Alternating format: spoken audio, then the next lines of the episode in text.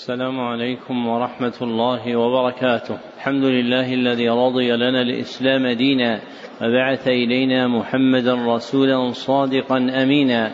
نحمده حق الحمد ونسأله التوفيق للرشد ونصلي ونسلم على سيد المرسلين وإمام المتقين وخاتم النبيين وعلى آله وصحابته الأخيار المنتجبين وتابعيهم بالإحسان إلى يوم الدين. أما بعد فحدثنا الحسن بن عبد الهادي الحسني وهو أول حديث سمعته منه. قال حدثنا عبد الستار بن عبد الوهاب الدهلوي وهو أول حديث سمعته منه. قال حدثنا أحمد بن إبراهيم بن عيسى وهو أول حديث سمعته منه. قال حدثنا عبد الرحمن بن حسن بن محمد بن عبد الوهاب التميمي وهو أول حديث سمعته منه. قال حدثنا عبد الرحمن بن حسن الجبرتي وهو أول حديث سمعته منه. قال حدثنا محمد بن محمد الحسيني وهو أول حديث سمعته منه. حا وحدثنا عاليا درجة الحسن بن عبد الهادي الحسني وهو أول حديث سمعته منه. قال حدثنا عبد الستار بن عبد الوهاب الدهلوي وهو أول حديث سمعته منه. قال حدثنا محمد بن خليل الحسني وهو أول حديث سمعته منه. قال حدثنا محمد بن أحمد البهي وهو أول حديث سمعته منه. قال حدثنا محمد بن محمد الحسيني وهو أول حديث سمعته منه. قال حدثنا داود بن سليمان الخربتاوي وهو أول حديث سمعته منه. قال حدثنا محمد الفيومي المصري وهو أول حديث سمعته منه. قال حدثنا يوسف بن عبد الله الأرميوني وهو أول حديث سمعته منه. قال حدثنا عبد الرحمن بن أبي بكر السيوطي وهو أول حديث سمعته منه. قال حدثنا عبد الرحمن بن علي بن عمر بن علي بن الملقن وهو أول حديث سمعته منه. قال حدثنا جدي عمر بن علي بن الملقن وهو أول حديث سمعته منه. قال حدثنا محمد بن محمد الميدومي وهو أول حديث سمعته منه.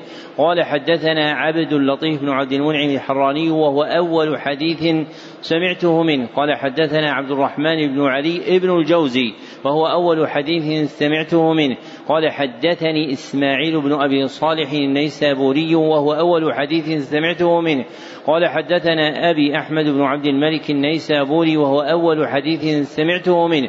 قال حدثنا محمد بن محمد الزيادي وهو أول حديث سمعته منه.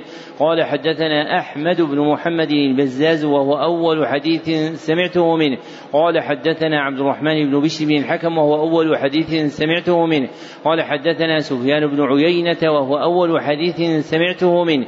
عن عمرو بن دينار عن أبي قابوس مولى عبد الله بن عمرو عن عبد الله بن عمرو بن العاص رضي الله عنهما أنه قال قال رسول الله صلى الله عليه وسلم الراحمون يرحمهم الرحمن ارحموا من في الأرض يرحمكم من في السماء.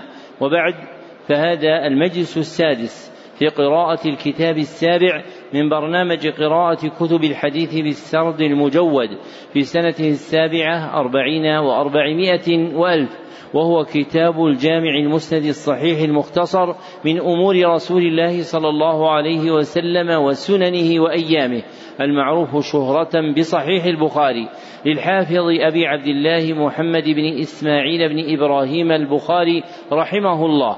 المتوفى سنة ست وخمسين ومائتين وقد انتهت بنا قراءته عند قوله رحمه الله باب الجنائز. نعم.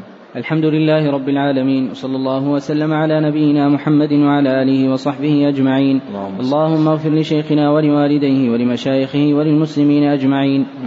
أخبركم حفظكم الله عبد العزيز بن فتح محمد الله ولي المعروف بعزيز زبيدي قراءة عليه. قال أخبرنا أحمد الله بن أمير الله الدهلوي وعبد التواب بن قمر الدين الملتاني قال أخبرنا نذير حسين بن جواد علي الدهلوي. قال أخبرنا محمد بن إسحاق بن محمد أفضل الدهلوي. قال أخبرنا عبد العزيز بن أحمد الدهلوي. قال أخبرنا أبي أحمد بن عبد الرحيم الدهلوي. قال أخبرنا أبو طاهر ابن إبراهيم الكوراني. قال أخبرنا حسن بن علي العجيمي قال أخبرنا عيسى بن محمد الثعلبي قال أخبرنا سلطان بن أحمد المزاحي قال أخبرنا أحمد بن خليل السبكي قال أخبرنا محمد بن أحمد الغيطي.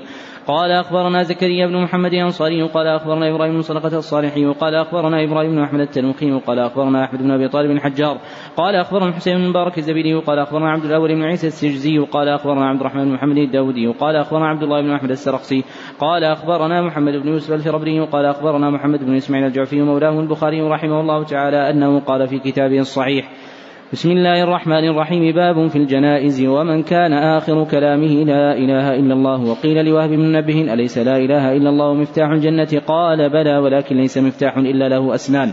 فإن جئت بمفتاح له أسنان فتح لك وإلا لم يفتح لك. قوله باب في تقدم أن هذه الترجمة من أمهات التراجم عند البخاري وأنه ذكرها في ستة وعشرين موضعا. نعم.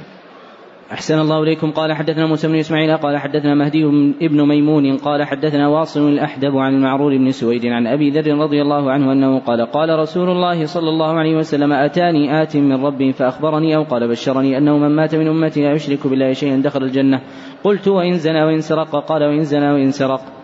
قال حدثنا عمرو بن حفص قال حدثنا أبي قال حدثنا عمش قال حدثنا شقيق عن عبد الله رضي الله عنه أنه قال قال رسول الله صلى الله عليه وسلم من مات يشرك بالله شيئا دخل النار وقلت أنا من مات لا يشرك بالله شيئا دخل الجنة. قوله في الإسناد المتقدم عن المعرور تقدم أنه ليس في رواتهم من اسمه المعرور برائين سوى راو واحد هو المعرور بن سويد الأسدي. نعم. أحسن الله إليكم. قال رحمه الله تعالى باب الأمر باتباع الجنائز. قوله باب الأمر هذه الترجمة من أمهات التراجم عند البخاري. ذكرها معرفة في موضعين باب الأمر ذكرها منكرة في أربعة مواضع باب أمر. نعم. أحسن الله إليكم. قال رحمه الله تعالى حدثنا أبو الوليد قال حدثنا شعبة عن الأشعث أنه قال سمعت معاوية بن سويد بن مقرن عن البراء رضي الله عنه أنه قال أمر النبي صلى الله عليه وسلم بسبع ونهانا عن سبع. أمرنا باتباع الجنائز وعية المريض وإجابة الداعي ونصر المظلوم وإبراء القسم ورد السلام من تميت العاطس ونهانا عن آلية الفضة وخاتم الذهب والحليم والدماج والقسيم والاستبراق. قوله حدثنا أبو الوليد تقدم أن هذه الكنية عندهم عند الإطلاق هي لأبي الوليد الطيالسي واسمه هشام بن عبد الملك. نعم. أحسن الله إليكم. قال حدثنا محمد قال حدثنا عمرو بن أبي سلمة عن أوزاعي أنه قال أخبر ابن شهاب قال أخبرني سعيد بن المسيب أن أبا هريرة رضي الله عنه قال سمعت رسول الله صلى الله عليه وسلم يقول حق حق المسلم على المسلم خمس. رد السلام وعيادة المريض واتباع الجنائز وإجابة الدعوة وتشميت العاطس. تابع عبد الرزاق قال أخبر معمر ورواه سلامة عن عقيل. باب الدخول على الميت بعد الموت إذا أدرج في كفنه. قوله باب الدخول هذه الترجمة من أمهات التراجم عند البخاري. ذكرها معرفة في موضعين وذكرها منكرة باب دخول في خمسة مواضع. نعم. أحسن الله إليكم. قال حدثنا بشر بن محمد قال أخبرنا عبد الله قال أخبرنا معمر ويونس عن ويونس عن الزهري أنه قال أخبرني أبو سلمة أن عائشة رضي الله عنها زوج النبي صلى الله عليه وسلم أخبرته أنها قالت أقبل أبو بكر رضي الله عنه على فرسه من مسكنه بالسنح حتى نزل فدخل المسجد فلم يسلم فلم يكلم الناس حتى دخل على عائشة رضي الله عنها فتيمم النبي صلى الله عليه وسلم وهو مسجى ببرد حبرة فكشف عن وجهه ثم أكب ثم أكب عليه فقبله ثم بكى فقال بأبي أنت يا نبي الله لا يجمع الله عليك موتتين أما الموتة التي كتبت عليك فقد متها قال أبو سلمة. فأخبرني ابن عباس رضي الله عنه أن أبا بكر رضي الله عنه خرج وعمر رضي الله عنه يكلم الناس فقال اجلس.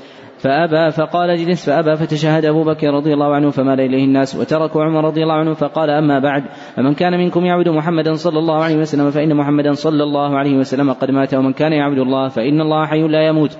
قال الله تعالى وما محمد إلا رسول إلى قول الشاكرين والله لكأن الناس لم يكونوا يعلمون أن الله عز وجل أنزل حتى تلاها أبو بكر رضي الله عنه فتلقاها منه الناس فما يسمع بشر إلا يتلوها. قال حدثنا احمد بن قال حدثنا ليث عن قال عن شاب قال أخبرني خالد بن زيد ثابت أنه من على امرأة من الانصار بايعت النبي صلى الله عليه وسلم أن أخبرته أنه اقتسم الم... أنه اقتسم المهاجرون قرعة فطار لنا عثمان بن مضعون فأنزلناه في أبياتنا فوجع وجعه الذي توفي فيه. فلما توفي وغسل وكفن في أثوابه دخل رسول الله صلى الله عليه وسلم. فقلت رحمة الله عليك أبا السائب فشهادتي عليك لقد أكرمك الله عز وجل.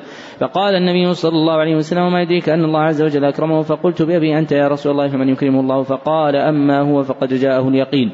والله إني لأرجو له الخير والله ما أدري وأنا رسول الله صلى الله عليه وسلم. ما يفعل بي قالت فوالله لا يزكي أحدا بعده أبدا. قال حدثنا سعيد بن عفير قال حدثنا ليث وذكر مثله وقال نافع بن يزيد عن عقيل ما يفعل به وتابعه شعيب بن عمرو بن دينار ومعمر. قوله عن عقيل تقدم أن هذا الاسم جاء مصغرا في موضعين. أحدهما عقيل بن خالد الأيلي والآخر يحيى بن عقيل البصري. نعم. أحسن الله إليكم. قال حدثنا محمد بن بشير قال حدثنا غندر قال حدثنا شعبة قال سمعت محمد بن المنكدر قال سمعت جابر بن عبد الله رضي الله عنهما قال لما قتل أبي جعلت أكشف الثوب عن وجهي أبكي وينهوني وينهوني عنه والنبي صلى الله عليه وسلم لا ينهاني. فجعلت عمتي فاطمة تبكي فقال النبي صلى الله عليه وسلم تبكين أو لا تبكين؟ ما زالت الملائكة تظله بأجنحتها حتى رفعتموه. تابع ابن جريج قال أخبر ابن المنكدر أنه سمع جابر رضي الله عنه. قوله حدثنا غندر تقدم أن هذا لقب لراو واحد يذكر به كثيرا. واسمه محمد بن جعفر البصري. نعم. أحسن الله إليكم. قال رحمه الله تعالى باب الرجل ينعى إلى أهل الميت بنفسه. قوله باب الرجل تقدم أنها من أمهات التراجم عنده وأنه ذكرها في سبعة مواضع. نعم. أحسن الله إليكم. قال حدثني إسماعيل وقال حدثني مالك عن شاب عن سعيد بن المسيب عن أبي هريرة رضي الله عنه أن رسول الله صلى الله عليه وسلم نعى النجاشية في اليوم الذي مات فيه خرج المصلى فصف بهم وكبر أربعة. قال حدثنا أبو معمر قال حدثنا عبد الوارث قال حدثنا أيوب بن حميد بن هلال عن أنس مالك رضي الله عنه أنه قال قال النبي صلى الله عليه وسلم أخذ الرايه تزيد فاصيب ثم أخذها جعفر فاصيب ثم أخذها عبد الله بن رواحة فأصيب. وإن عيني رسول الله صلى الله عليه وسلم تذرفان ثم أخذها خالد بن الوليد رضي الله عنه من غير امره ففتح له. باب الإذن بالجنازة وقال أبو رافع عن أبي هريرة رضي الله عنه قال قال النبي صلى الله عليه وسلم ألا آذنتموني؟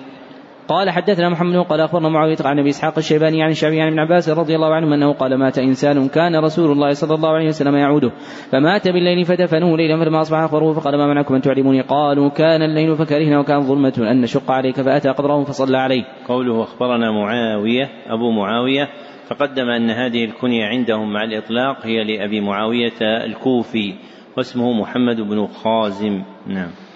أحسن الله إليك. قال رحمه الله تعالى باب فضل من مات له ولد فاحتسب. وقال الله عز وجل وبشر الصابرين. قوله باب فضل تقدم أنها من أمهات التراجم عنده وأنه ذكرها في ستة وسبعين موضعا.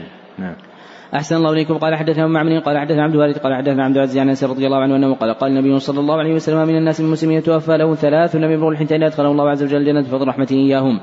قال حدثنا مسلم قال حدثنا شعبة قال حدثنا عبد الرحمن الاصباني عن ذكوان عن أبي سعيد رضي الله عنه أن النساء قلنا للنبي صلى الله عليه وسلم اجعل لنا يوما فوعظهن وقال أي امرأة مات لها ثلاثة من ولدي كانوا حجابا من نار قالت امرأة واثنان قال واثنان. وقال شريك عن الاصباني قال حدثني أبو صالح عن أبي سعيد وأبي هريرة رضي الله عنهما عن النبي صلى الله عليه وسلم قال أبو هريرة رضي الله عنه لم يبلغ الحنث. قال حدثنا علي قال حدثنا سفيان قال سمعت الزهري عن سعيد بن المسيب عن أبي هريرة رضي الله عنه عن النبي صلى الله عليه وسلم أنه قال يموت لمسلم ثلاث من ولد فيلج النار إلا تحلة القسم. قال أبو عبد الله وإن منكم إلا واردها. باب قول الرجل المرأة عند القبر اصبري قوله باب قول الرجل. هذه الترجمة من أمهات التراجم عند البخاري. ذكرها في ثلاثة عشر موضعا. نعم. أحسن الله إليكم. قال حدثنا آدم قال حدثنا شعبة قال حدثنا ثابت عن أنس مالك رضي الله عنه أنه قال مر النبي صلى الله عليه وسلم امرأة عند قبر وهي تبكي فقال اتق الله واصبري. باب غسل الميت وضوءه بالماء والسدر. وحنط ابن عمر رضي الله عنه وابن لسعيد بن زيد وحمله وصلى ولم يتوضأ. قال ابن عباس رضي الله عنه المسلم لا ينجس حيا ولا ميتا. وقال سعيد لو كان نجس ما مسسته. وقال النبي صلى الله عليه وسلم المؤمن لا ينجس. قوله باب غسل تقدم أن هذه الترجمة من أمهات التراجم عند البخاري. ذكرها منكرة في سبعة عشر موضعا وذكرها معرفة باب الغسل في أربعة مواضع. نعم. أحسن الله إليكم. قال حدثنا إسماعيل بن عبد الله قال حدثني مالك عن أيوب السختياني عن محمد بن سيرين عن عطية الأنصارية التي رضي الله عنها أنها قال دخل علينا رسول الله صلى الله عليه وسلم حين توفيت ابنته فقال أغسلنا ثلاثا وخمسا وأكثر من ذلك. إن رأيتن ذلك ما مسلم واجعلنا في الآخرة كافرا وشيئا من كافر فإذا فرغتن فأذنني فلما فرغنا آذناه فأعطانا حقوه فقال أشعبنا إياه تعني إزارة. قوله عن أم عطية تقدم أنه ليس في رواة الستة من النساء. من تكنى أم عطية سوى امرأة واحدة. هي أم عطية الأنصارية واسمها نسيبة بنت كعب. نعم. أحسن الله إليكم. قال رحمه الله تعالى باب ما يستحب أن يوصل وترا قوله باب ما يستحب تقدم أنها من أمهات التراجم وأنه ذكرها في سبعة مواضع. نعم. أحسن الله إليكم. قال حدثنا محمد وقال حدثنا عبد الوهاب الثقفي عن أيوب عن محمد بن معطية رضي الله عنها أنها قالت دخل علينا رسول الله صلى الله عليه وسلم ونحن نغسل ابنته فقال ونحن نغسل ابنته فقال اغسلنا ثلاثا وخمسة وأكثر من ذلك ما سدر واجعلنا في الآخرة كافرا فاذا فرغتن فآذنني فلما فرغنا اذنه فألقى إلينا حقوه فقال أشعلنا إياه. فقال أيوب حدثتني حفصة بمثل حديث محمد وكان في حديث حفصة اغسلنا وترا وكان فيه ثلاثا وخمسا وسبعا وكان فيه أنه قال ابدأه من ميامنها ومواضع الوضوء منها وكان فيه أنه معطية رضي الله عنها قالت ومشطناها ثلاثة قرون. باب يبدأ بميامن الميت. قال حدثنا علي بن عبد الله قال حدثنا اسماعيل بن إبراهيم قال حدثنا خالد عن حفصة بنت سيرين عن أم عطية رضي الله عنها أنها قالت قال رسول الله صلى الله عليه وسلم في غسل ابنته ابدأن بميامنها ومواضع الوضوء منها. باب مواضع الوضوء من الميت. قال حدثنا يحيى بن موسى قال حدثنا وكيع عن سفيان عن خالد الحداي عن حفصة بنت سيرين عن أم عطية رضي الله عنها أنها قالت لما غسلنا بنت النبي صلى الله عليه وسلم قال لنا ونحن نغسل وابدأوا بما ابدأوا بميامنها ومواضع الوضوء. باب هل تكفن المرأة في إزار الرجل؟ قوله باب هل تقدم أن هذه الترجمة من أمهات التراجم عند البخاري وأنه ذكرها في كم موضع؟ في خمسة وخمسين موضعا. وإذا اعتبرت ما صنعه البخاري في كثرة الأسئلة إذ وجدناه ذكر كيف في خمسة مواضع وأي في خمسة مواضع أيضا وهل في خمسة وخمسين موضعا. إلى غير ذلك من الأسئلة التي ذكرها. وحاديته بصاحبه أبي عيسى الترمذي. رأيت أن البخاري كان ذكيا يعمد إلى استثارة المعارف بالسؤال عنها. وهذه من طرائق النبي صلى الله عليه وسلم. كما ترجم هو باب طرح الإمام المسألة على أصحابه ليستخرج ما عندهم من العلم. تقدم هذا في كتاب العلم. فمن مسالك البخاري في إيضاح العلم ملاحظته إثارة المعارف بالسؤال عنها. نعم. أحسن الله إليكم. قال حدثنا عبد الرحمن بن حماد قال أخبرنا عن محمد عن معطية رضي الله عنها أنها قالت توفيت بنت النبي صلى الله عليه وسلم فقال لنا اغسلنا ثلاثا وخمسا وأكثر من ذلك. إن رأيتن فإذا فرغتن فأذنني فلما فرغنا أذناه فنزع من حقه إزاره وقال أشعلناها إياه. باب يجعل الكافر في آخره. قال حدثنا حمد بن عمر قال حدثنا حماد بن زين أيوب عن محمد عن معطية رضي الله عنها قال توفيت إحدى بنات النبي صلى الله عليه وسلم خرج وقال أغسلنا ثلاثا وخمسه وأكثر من ذلك رايتون ما يمسدني وجعلنا في الآخرة كافرون وشيئا من كافرين فإذا فرغتن فأذنني قالت فلما فرغنا أذناه فألقى إلينا حقه وقال اشعلنا إياه. قوله باب يجعل الكافور في آخره الكافور طيب معروف نعم أحسن الله إليكم. قال وعن أيوب عن حفصة عن أم عطية رضي الله عنهما فذكره بنحوه وقالت أنه قال أغسلنا ثلاثا وخمسا وسبعا وأكثر من ذلك. رأيتنا قالت حفصة قالت أم عطية رضي الله عنها وجعلنا رأسها ثلاثة قرون. باب نقض شعر المرأة. وقال المسيرين لا بأس أن ينقض شعر الميت. قال حدثنا أحمد قال حدثنا عبد الله بن أبي قال اخبرهم جريج قال أيوب وسمعت حفصة بنت سيرين قالت حدثتنا أم عطية رضي الله عنها أنهن جعلنا رأس بنت رسول الله صلى الله عليه وسلم ثلاث قرون. نقضناه ثم غسلناه ثم جعلناه ثلاث قرون. قوله أخبرنا ابن جريج تقدم أن هذه الكنية عندهم عند الإطلاق هي لابن جريج المكي واسمه عبد الملك ابن عبد العزيز. نعم. أحسن الله إليكم. قال رحمه الله تعالى باب كيف الإشعار للميت وقال الحسن خرقة خامسة تشد, تشد بها الفخذين والوركين تحت الدرع. قوله باب كيف تقدم أن هذه الترجمة من أمهات التراجم عند البخاري وأنه ذكرها في ستة مواضع. وقالوا وقوله باب كيف الإشعار للميت. المراد بالإشعار هنا لف الثياب عليه. المراد بالإشعار هنا لف الثياب عليه. فالشعار اسم للثوب الذي يلي البدن. فالشعار اسم للثوب الذي يلي البدن أي الذي يلصق به يكون قريبا منه. بخلاف الدثار فهو الثوب الخارج عن البدن. نعم. أحسن الله إليكم. قال حدثنا أحمد قال حدثنا عبد الله بن أبي قال أخبرهم جريج أن أيوب أخبرهم قال سمعت ابن سيرين يقول جاءت أم عطية رضي الله عنها امرأة من أنصار من اللاتي بايعنا قدمت البصرة قدمت البصرة تبادر ابنا لها فلم تدركه فحدثتنا أنها قالت دخل علينا النبي صلى الله عليه وسلم ونحن نغسل ابنته وقال اغسلنا ثلاثا أو خمسا أو خمسا أو أكثر من ذلك رأيتنا ذلك ما المسلم وجعلنا في الاخره كافرا فإذا فرغتن فأذنني قالت فلما فرغنا ألقى إلينا حقوة فقال أشعرنا إياه ولم يزع على ذلك ولا أدري بناته وزعم ان نشعر ألففنا فيه وكذلك كان المسيرين يأمر بالمرأة أن تشعر ولا تؤزر. باب هل يجعل شعر المرأة ثلاثة قرون؟ قال حدثنا قبيصة قال حدثنا سفيان عن هشام عن الهذيل عن أم عطية رضي الله عنها أنها قال ظفرنا شعر بنت النبي صلى الله عليه وسلم تعني ذات قرون وقال وكيع قال سفيان ناصيتها وقرنيها. قوله عن أم الهذيل هذه الكنية لامرأة واحدة من رواتهم تذكر نادرا بها فإنها حفصة بنت سيرين الأنصارية مولاتهم وتذكر باسمها أكثر. نعم. أحسن الله إليكم قال رحمه الله تعالى باب يلقى شعر المرأة خلفها قال حدثنا مسدد قال حدثنا بن سعيد عن هشام بن حسان أنه قال حدثتنا حفصة عن أم عطية رضي الله عنها قالت توفيت إحدى بنات النبي صلى الله عليه وسلم فأتى النبي صلى الله عليه وسلم وقد أغسلنا بسدر وترا ثلاثا أو خمسا أو أكثر من ذلك إن رأيتن ذلك وجعلنا في الاخره كافرا شيئا من كفر فإذا فرغتن فأذنني فلما فرغنا اذنا فالقينا حقوه فظفرنا شعرها ثلاثة قرون وألقيناها خلفها. قوله حدثنا مسدد تقدم أنه ليس في رواة الستة من اسمه مسدد سوى مسدد بن مسرهد الأسدي. نعم. أحسن الله إليكم قال رحمه الله تعالى باب ثياب البيض للكفن قال حدثنا محمد قاتل قال أخبرنا عبد الله قال أخبرنا هشام بن عروة عن أبي عائشة رضي الله عنها أن رسول الله صلى الله عليه وسلم كفن في ثلاثة أثواب يمانية بيض سعودية من كرسي ليس ليس فيهن قميص ولا عمامة. باب الكفن في ثوبين. قوله باب الكفن هذه الترجمة من أمهات التراجم عند المصنف ذكرها في خمسة مواضع. نعم. أحسن الله إليكم. قال حدثنا ابن عمر قال حدثنا أحمد عن يوبان سعيد بن جبن عن عباس رضي الله عنهم أنه قال بينما رجل واقف بعرفة إذ وقع رحلة فوقصته وقال فأوقصته فقال النبي صلى الله عليه وسلم اغسلوا ما يسد وكفنوه في ثوبين ولا تحنطوه ولا تخمروا رأسه فإنه يبعث يوم القيامة منبيا. باب الحنوط الميت قال حدثنا قتيبة قال حدثنا محمد عن عن سعيد بن عن عباس رضي الله عنه أنه قال بينما رجل وقف مع رسول الله صلى الله عليه وسلم عرفت اذ وقع من راحلته فأقصعته وقال فأقعصته فقال رسول الله صلى الله عليه وسلم يغسل الماء وسد وكفنه في ثوبين ولا تحنطوا ولا تخمروا رأسه فإن الله يبعثه يوم القيامة منبيا. باب كيف يكفن المحرم. قال حدثنا ابن عمر قال أخبرنا أبو عوانة عن أبي بشير عن سعيد بن جبير عن عباس رضي الله عنهما أن نرى عنهم أن رجلا وقصه بعيره ونحن مع النبي صلى الله عليه وسلم ومحرم فقال النبي صلى الله عليه وسلم يغسل الماء ويسد وكفنه في ثوبين ولا تمسه طيبا ولا تخمر رأسه فإن الله يبعثه يوم القيامة ملبدا. قوله عن أبي بشر تقدم أن هذه الكنية عندهم عند الإطلاق هي لمن؟ هي لجعفر ابن أبي وحشية واسم أبي وحشية إياس فهو جعفر بن إياس البصري نعم. أحسن الله إليكم. قال حدثنا مسدد قال حدث أحمد بن عن عمرو عن عمرو وأيوب عن سعيد بن جبير عن عباس رضي الله عنه أنه قال كان رجل واقف مع النبي صلى الله عليه وسلم عرفة وقع راحلته قال أيوب فوقصته وقال عمرو فأقصعته فمات وقال أغسل ما مسد وكفنه في ثوبين ولا تحمط ولا تخمر رأسه فإنه يبعث يوم القيامة. قال أيوب ينبي وقال عمرو منبيا.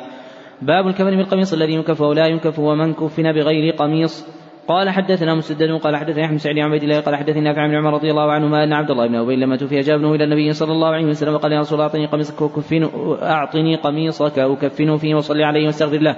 فأعطاه النبي صلى الله عليه وسلم قميصه وقال آذني اصلي عليه فآذنه فلما اراد ان يصلي عليه جذبه عمر رضي الله عنه فقال صلى الله عز وجل نهاك ان تصلي على المنافقين فقال أنا بين خيرتين. قال استغفر لهم ولا تستغفر لهم. إن تستغفر لهم سبعين مرة فلن يغفر الله لهم. فصلى عليه فنزلت ولا تصلي على أحد منهم مات أبدا. قال حدث مالك بن إسماعيل قال حدث ابن عيينة عن عمرو أنه سمع جابر رضي الله عنه قال أتى النبي صلى الله عليه وسلم عبد الله بن أبي بعدما دفن فأخرجه ونبت فيه من ريقه وألبسه قميصه. باب الكفن بغير قميص قال حدث ابن عمين قال حدث سفيان عن بن عمرة عن عائشة رضي الله عنها قالت كفن النبي صلى الله عليه وسلم في ثلاثة أثواب سحول كرسف ليس فيها قميص ولا عمامة. قال حدثنا مسدد قال حدثني يحيى عن شام قال حدثني أبي عن عائشة رضي الله عنها أن رسول الله صلى الله عليه وسلم كفن في ثلاثة أثواب ليس فيها قميص ولا عمامة باب الكفن ولا عمامة. قال حدثني إسماعيل وقال حدثني مالك عن بن عروة عن أبيه عن عائشة رضي الله عنها أن رسول الله صلى الله عليه وسلم كفن في ثلاثة أثواب بيض سعودية ليس فيها قميص ولا عمامة. باب الكفن من جميع المال وبه. قال عطاء الزهري وعمرو بن دينار وقتادة وقال عمرو بن دينار الحنوط من جميع المال. وقال إبراهيم يبدأ بالكفن ثم بالدين ثم بالوصية. وقال سفيان أجر القبر والغسل هو من كفن. قال حدثنا أحمد بن محمد مكي وقال حدثنا إبراهيم بن سعد عن سعد عن ابيه أنه قال أوتي عبد الرحمن بن عوف رضي الله عنه يوم طعامه فقال قتل مصعب بن عمير وكان خيرا مني فلم يجد له ما يكفن فيه لا بردة وقتل حمزة أو رجل آخر خير مني فلم يجد له ما يكفن فيه لا بردة. لقد خشيت أن يكون قد عجلت لنا طيباتنا في حياه الدنيا ثم جعل يبكي رضي الله عنه. باب إذا لم يوجد إلا ثوب واحد. قوله باب إذا تقدم أنه من أمهات التراجم عنده وأنه ذكره في ستة وأربعين ومائتي موضع. نعم. أحسن الله إليكم. قال حدثنا ابن مقاتل قال أخبرنا عبد الله قال أخبرنا شعبة عن سعد بن إبراهيم عن أبيه إبراهيم عن عبد الرحمن بن عوف رضي الله عنه أتي بطعام وكان صائما وقال قتل مصعب بن عمر وخير من كفن في بردة. إن غطي رأسه بدت رجلاه وإن غطي رجلاه بدا رأسه ووراه قال وقتل حمزة وهو خير منه ثم بسط. لنا من الدنيا ما بسط. أو قال أعطينا من الدنيا ما أعطينا وقد خشينا أن تكون حسناتنا عجلت لنا ثم جعل يبكي حتى ترك الطعام. باب إذا لم يجد كفن إلا ما يواري رأسه وقدميه أو قدميه يغطى رأسه.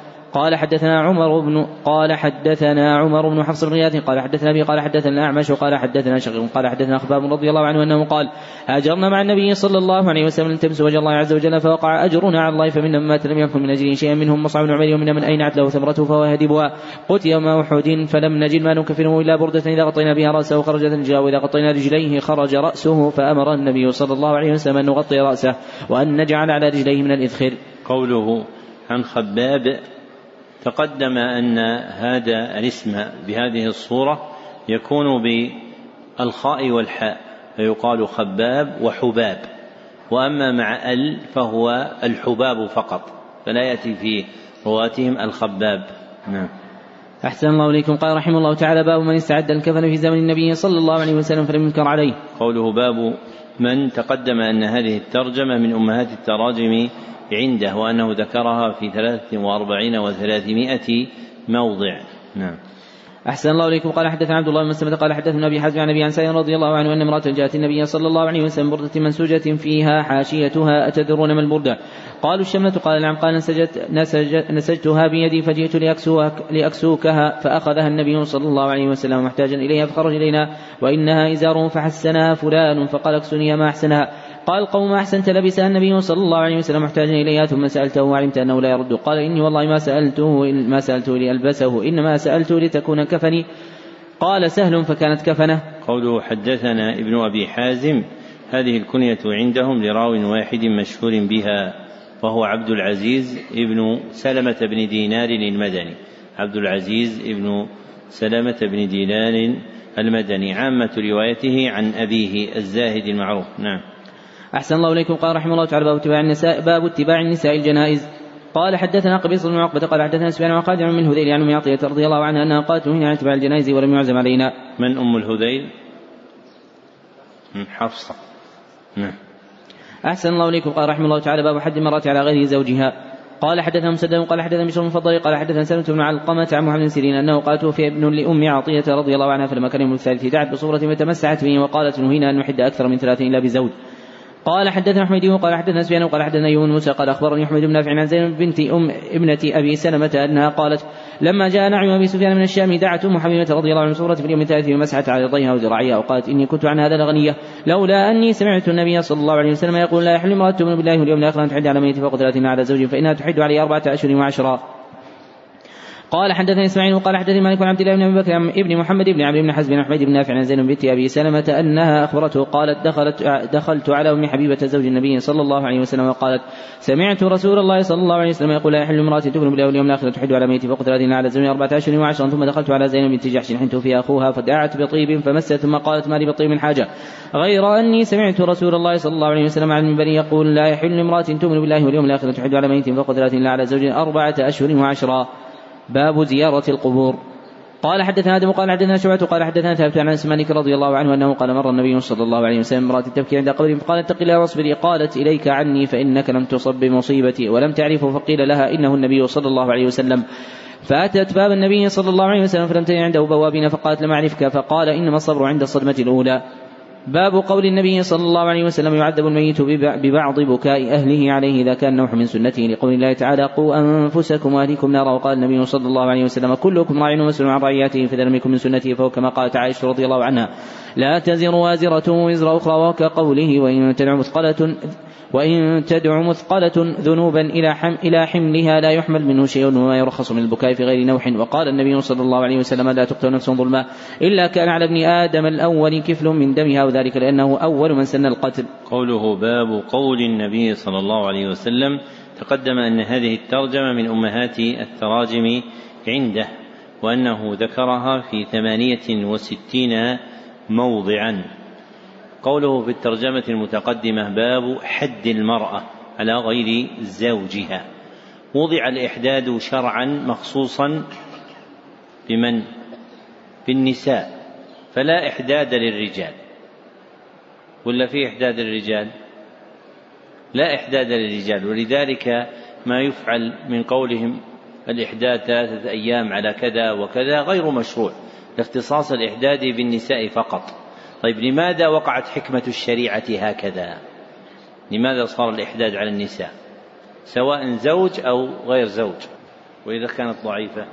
لأن المرأة طبعت على رقة الطبع فسومحت في إظهار حزنها بالإحداد لأن المرأة طبعت على رقة الطبع فسومح سومحت في إظهار حزنها بالإحداد وأما الرجل فإنه مطبوع على الصبر ومأمور به أشد من أمر المرأة فعليه أن يتجلد ويتصبر. نعم. أحسن الله إليكم. قال رحمه الله تعالى حدثنا عبدان ومحمد قال أخبرنا عبد الله قال أخبرنا عاصم بن سليمان أبي عثمان قال حدثني أسامة بن زيد رضي الله عنهما قال أرسلت ابنة النبي صلى الله عليه وسلم إليه إن ابنا لي قبض فأتنا فأرسل يقرئ السلام يقول إن لله ما أخذ ولو ما أعطى وكل عنده بأجل مسمى فلتصبر ولتحتسب. فأرسلت إليه تقسم عليه ليأتين ليأتينها فقام ومعه سعد بن عبادة ومعاذ بن جبل وابن كعب بن ثابت ورجال فرفع إلى رسول الله صلى الله عليه وسلم صلي ونفسه تتقاعقع وقال حسيت أنه قال كأنها شن فاضت عيناه فقال سعد يا رسول الله ما هذا؟ فقال هذه رحمة جعلها الله في قلوب عباده وإنما يرحم الله من عباده الرحماء.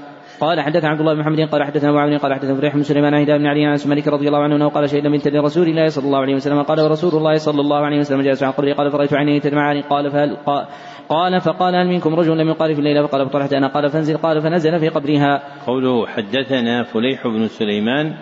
تقدم أنه ليس في رواتهم من اسمه فليح سوى راو واحد. هو فليح بن سليمان المدني. نعم. أحسن الله إليكم. قال حدثنا عبدان قال حدثنا عبد الله قال أخبرنا ابن جريج قال أخبرني عبد الله بن عبيد الله بن أبي مليكة قال توفيت ابنة لعثمان رضي الله عنه مكة وجئنا ننشدها وحضرها ابن عمر وابن عباس رضي الله عنهما إني لجالس بينهما وقال جلست إلى أحدهما ثم جاء الآخر. فجلس إلى جنبي فقال عبد الله بن عمر رضي الله عنهما لعمرو بن عثمان لا تنهى عن البكاء فإن رسول الله صلى الله عليه وسلم قال إن الميت لا ببكاء أهله عليه. فقال ابن عباس رضي الله عنهما قد كان عمر رضي الله عنه يقول بعض ذلك. ثم حدث قال صدرت مع عمر رضي الله عنه من مكة حتى إذا كنا بالبيداء إذا هو بركب تحت ظل سمرة فقال ذهب فانظر من هؤلاء الركب. قال فنظرت إلى صهيب فأخبرته فقال ادعوه فرجعت إلى صهيب فقلت ارتحل فالحق أمير المؤمنين. فلما أصيب عمر رضي الله عنه دخل صهيب يبكي يقول وأخاه وصاحبه فقال عمر رضي الله عنه يا صهيب أتبكي علي وقد قال رسول الله صلى الله عليه وسلم إن الميت يعذب ببعض بكاء أهله عليه قال ابن عباس رضي الله عنهما. فلما مات عمر رضي الله عنه ذكرت ذلك لعائشة رضي الله عنها فقالت رحم الله عمر والله ما حدث رسول الله صلى الله عليه وسلم. إن الله يعذب المؤمن ببكاء أهله عليه ولكن رسول الله صلى الله عليه وسلم قال إن الله لا يزيد الكافر عذابا بكاء أهله عليه وقالت حسبكم القرآن ولا تزر وازرة وزر أخرى. قال ابن عباس رضي الله عنهما عند ذلك والله هو أضحك وأبكى. قال ابن أبي مليكة والله ما قال ابن عمر رضي الله عنهما شيئا. قوله حدثنا عبدان تقدم أن هذا لقب لراو واحد يذكر به واسمه عبد الله بن عثمان ابن جبلة العتكي المروزي. نعم. أحسن الله إليكم. قال حدثنا عبد الله بن يوسف قال أخبر مالك عبد الله بن أبي بكر عن أبي عن عمرة بنت عبد الرحمن أنها أخبرته أنها سمعت عائشة رضي الله عنها زوج النبي صلى الله عليه وسلم قالت إنما مر رسول الله صلى الله عليه وسلم على يهودية يبكي عليها أهلها فقال إنهم لا يبكون عليها وإنها لا تعذب في قبرها. قال حدثنا إسماعيل بن خليل قال حدثنا علي بن مسر قال حدثنا أبو إسحاق وهو الشيباني عن أبي بردة عن أبي أنه قال لما أصيب عمر رضي الله عنه جعل صهيب يقول واخاه فقال عمر رضي الله عنه ما علمت أن النبي صلى الله عليه وسلم قال إن الميت لا يعذب ببكاء الحي باب ما يكره من النحاء باب ما يكره من النياحة على الميت. وقال عمر رضي الله عنه دعهن يبكين على أبي سليمان ما لم يكن نقع أو لقلقة والنقع التراب على الرأس واللقلقة الصوت. قوله باب ما يكره تقدم أن هذه الترجمة من أمهات التراجم عند البخاري وأنه ذكرها بهذا اللفظ في خمسة وثلاثين موضعا وذكرها بلفظ باب من كره في خمسة مواضع وذكرها بلفظ باب كراهية في تسعة مواضع. نعم. أحسن الله إليكم. قال رحمه الله تعالى حدثنا عبدان قال حد قال حدثنا أبو نعيم قال حدثنا سعيد بن عبيد علي بن ربيعة عن المغيرة رضي الله عنه أنه قال سمعت النبي صلى الله عليه وسلم يقول إن كذبا علي ليس ككذب على أحد من كذب علي متعمدا فليتبوأ مقعده من النار. سمعت النبي صلى الله عليه وسلم يقول من نيح عليه يعذب بما نيح عليه. قال حدثنا عبدان قال أخبرني أبي عن شعبة عن قتادة عن سعيد بن المسيب عن ابن عمر عن أبي رضي الله عنهما عن النبي صلى الله عليه وسلم أنه قال الميت يعذب في قبر منيح عليه تابع عبد الله قال حدثنا يزيد بن زريع قال حدثنا سعيد قال حدثنا قتادة وقال آدم عن شعبة الميت يعذب ببكاء الحي عليه. باب قال حدثنا علي بن عبد الله قال حدثنا سفيان قال حدثنا ابن المنكدر أنه قال سمعت جابر بن عبد الله رضي الله عنهما أنه قال جيء بأبي يوم أحد قد مثل به حتى وضع بين يدي رسول الله صلى الله عليه وسلم وقد سجي ثوبا فذهبت أريد أن أكشف عنه فنهاني قومي ثم ذهبت أكشف عنه فنهاني قومي فأمر رسول الله صلى الله عليه وسلم فرفع فسمع صوت نائحة فسمع صوت صائحة فقال من هذه؟ فقال فقالوا ابنة عمرو أو قالوا أخت عمرو. قال فلم تبكي أو قال لا تبكي فما زالت الملائكة تظله بأجنحتها حتى رفع. قوله باب حدثنا تقدم أن هذه الترجمة من أمهات التراجم عند البخاري وأنه ذكرها بهذا اللفظ في أربعة وأربعين موضعا وقال في ثمانية مواضع باب حدثني ولم يقع عنده باب أخبرنا ولا باب أخبرني. وذكرنا أن وجه هذه الترجمة المهملة بدون ما يبينها لكونها فرعا عن الترجمة المتقدمة. فكل ترجمة وقعت كذلك فهي تابعة للترجمة التي قبلها. نعم. أحسن الله إليكم. قال رحمه الله تعالى باب ليس منا من شق الجيوب. قوله باب ليس هذه الترجمة من أمهات التراجم عند البخاري. ذكرها في ثلاثة عشر موضعا. نعم. أحسن الله إليكم. قال حدثنا ابن عمي قال حدثنا سفيان قال حدثنا زبيد اليامي عن إبراهيم عن مسروق عن عبد الله رضي الله عنه أنه قال قال النبي صلى الله عليه وسلم ليس منا من لطم الخدود وشق الجوب ودعا بدعوى الجاهلية. قوله حدثنا زبيد تقدم أنه ليس في رواته من اسمه زبيد سوى زبيد بن الحارث اليامي ويقال الإيامي. نعم. أحسن الله إليكم. قال رحمه الله تعالى باب الرثى النبي صلى الله عليه وسلم سعد بن خولة رضي الله عنه.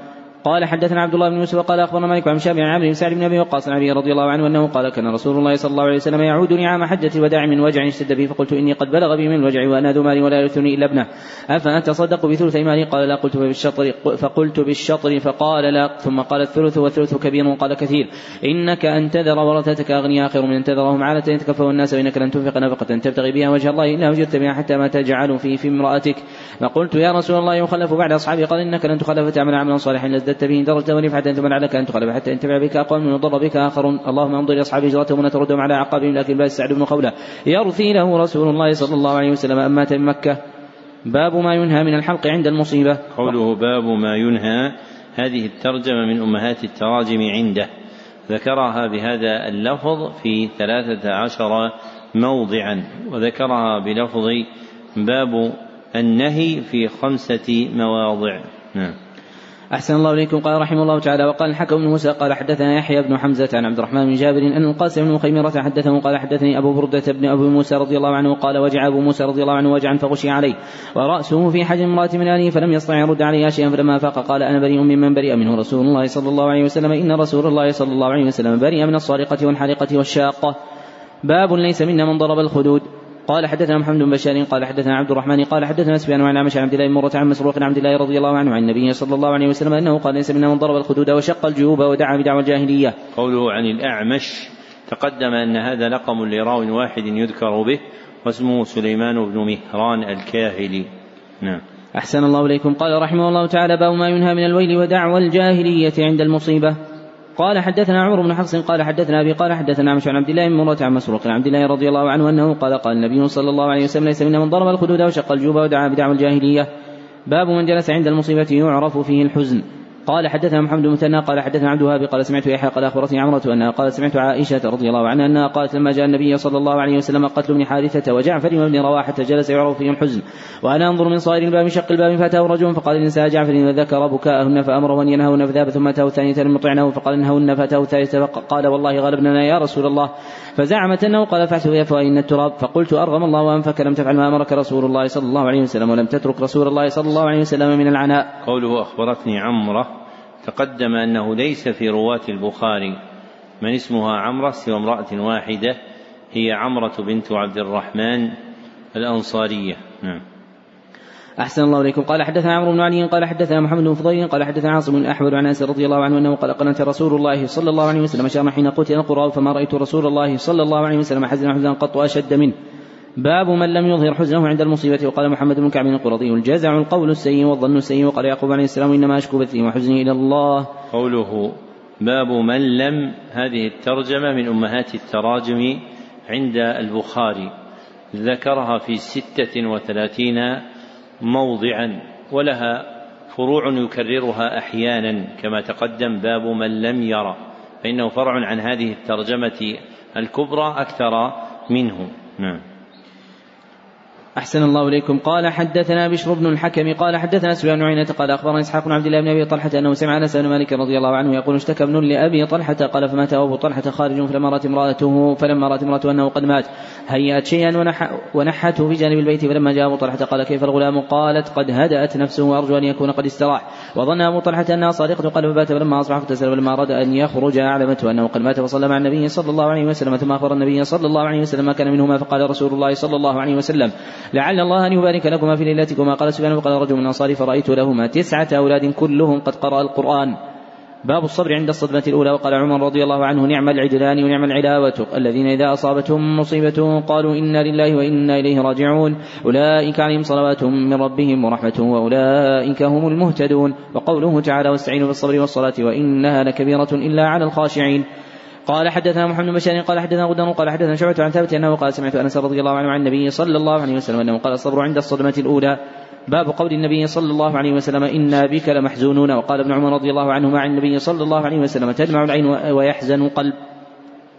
قال حدثنا حسن بن عبد العزيز قال حدثنا يحيى بن حسان قال حدثنا قريش بن حيان عن ثابت عن مالك رضي الله عنه أنه قال دخلنا مع رسول الله صلى الله عليه وسلم على بسيف قين وكان ضئرا لإبراهيم عليه السلام فأخذ رسول الله صلى الله عليه وسلم إبراهيم فقبله وشمه ثم دخلنا عليه بعد ذلك إبراهيم يجود بنفسه وجعلت علينا رسول الله صلى الله عليه وسلم تجرفان فقال له عبد الرحمن بن عوف رضي الله عنه وأنت يا رسول الله؟ فقال يا ابن عوف إنها رحمة ثم أتبعها بأخرى فقال صلى الله عليه وسلم إن العين تدمع والقلب يحزن ولا نقول إلا ما يرضى ربنا وإنا بفراقك يا إبراهيم يا إبراهيم لمحزونون رواه موسى عن سليمان بن المغيرة. عن ثابت عن أنس رضي الله عنه عن النبي صلى الله عليه وسلم.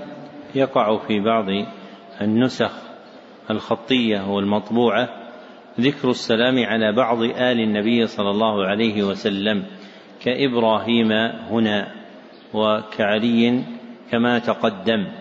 وهذا من فعل النساخ. وبرهان ذلك أن المحدثين لما ذكروا آداب كتابة الحديث نصوا على أنه إذا ذكر النبي صلى الله عليه وسلم صلى عليه وسلم. وإذا ذكر احدا من أصحابه إيش؟ ترضى عنه. ولم يذكروا هذه المسألة بأنه يخص أهل بيته بالصلاة والسلام عليه. فما وقع في بعض النسخ الخطية والمطبوعة من التصانيف هو من تصرفات النساخ وليس أصلا من أصول أهل الحديث في كتابته نعم. أحسن الله إليكم. قال رحمه الله تعالى باب البكاء عند المريض. قال حدثنا أصبغ بن وهب قال أخبرني عمرو عن سعيد بن الحارث الأنصاري عن عبد الله بن عمر رضي الله عنه أنه قال اشتكى سعد بن عبادة شكوى له فاتاه النبي صلى الله عليه وسلم يعود مع عبد الرحمن بن عوف وسعد بن أبي وقاص وعبد الله بن مسعود رضي الله عنهم.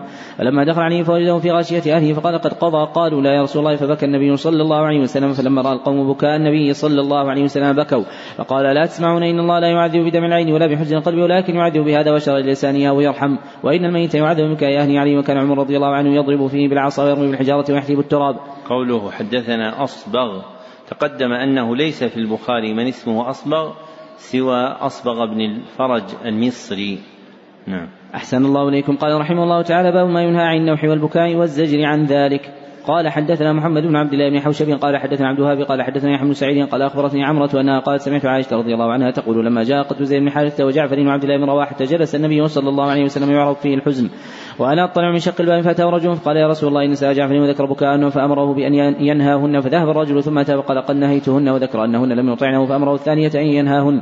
فذهب ثم أتى فقال والله لقد غلبنني أو قال غلبننا. الشك من محمد بن حوشب فزعمت, فزعمت أن النبي صلى الله عليه وسلم قال فأحث في افواه التراب. فقلت أرغم الله انفك فوالله ما أنت بفاعل وما تركت رسول الله صلى الله عليه وسلم من عناء قال حدث عبد الله بن عبد الوهاب قال حدث محمد بن زيد قال حدثنا أيوب عن محمد عن عطية رضي الله عنها انها قالت أخذ علينا النبي صلى الله عليه وسلم عند البيعة ألا نوح فما وفت منا امرأة غير خمسة غير خمسة غير خمس نسوة. أم سليم وأم العلاء وابنة أبي سبرة امرأة معاذ وامرأتين أو ابنة أو, أو ابنة أبي سبرة وامرأة معاذ وامرأة أخرى. باب القيام للجنازة. قوله باب القيام هذه الترجمة من أمهات التراجم عند البخاري. ذكرها معرفة في موضع واحد هو هذا الموضع. وذكرها في خمسة مواضع منكرة باب قيام. نعم. أحسن الله إليكم. قال حدثنا علي بن عبد الله قال حدثنا سفيان قال حدثنا الزهري عن سالم عن النبي رضي الله عنه عن عامر ربيعة رضي الله عنه عن النبي صلى الله عليه وسلم أنه قال إذا رأيتم الجنازة فقوموا حتى تخلفكم. قال سفيان قال الزهري وأخبرني سالم عن النبي رضي الله عنهما أنه قال أخبرنا عامر بن ربيعة رضي الله عنه عن النبي صلى الله عليه وسلم زاد حميدي وقال حتى تخلفكم أو توضع. باب متى يقعد إذا قام الجنازة قوله باب متى؟ هذه الترجمة كما تقدم من أمهات التراجم عند البخاري ذكرها في تسعة مواضع.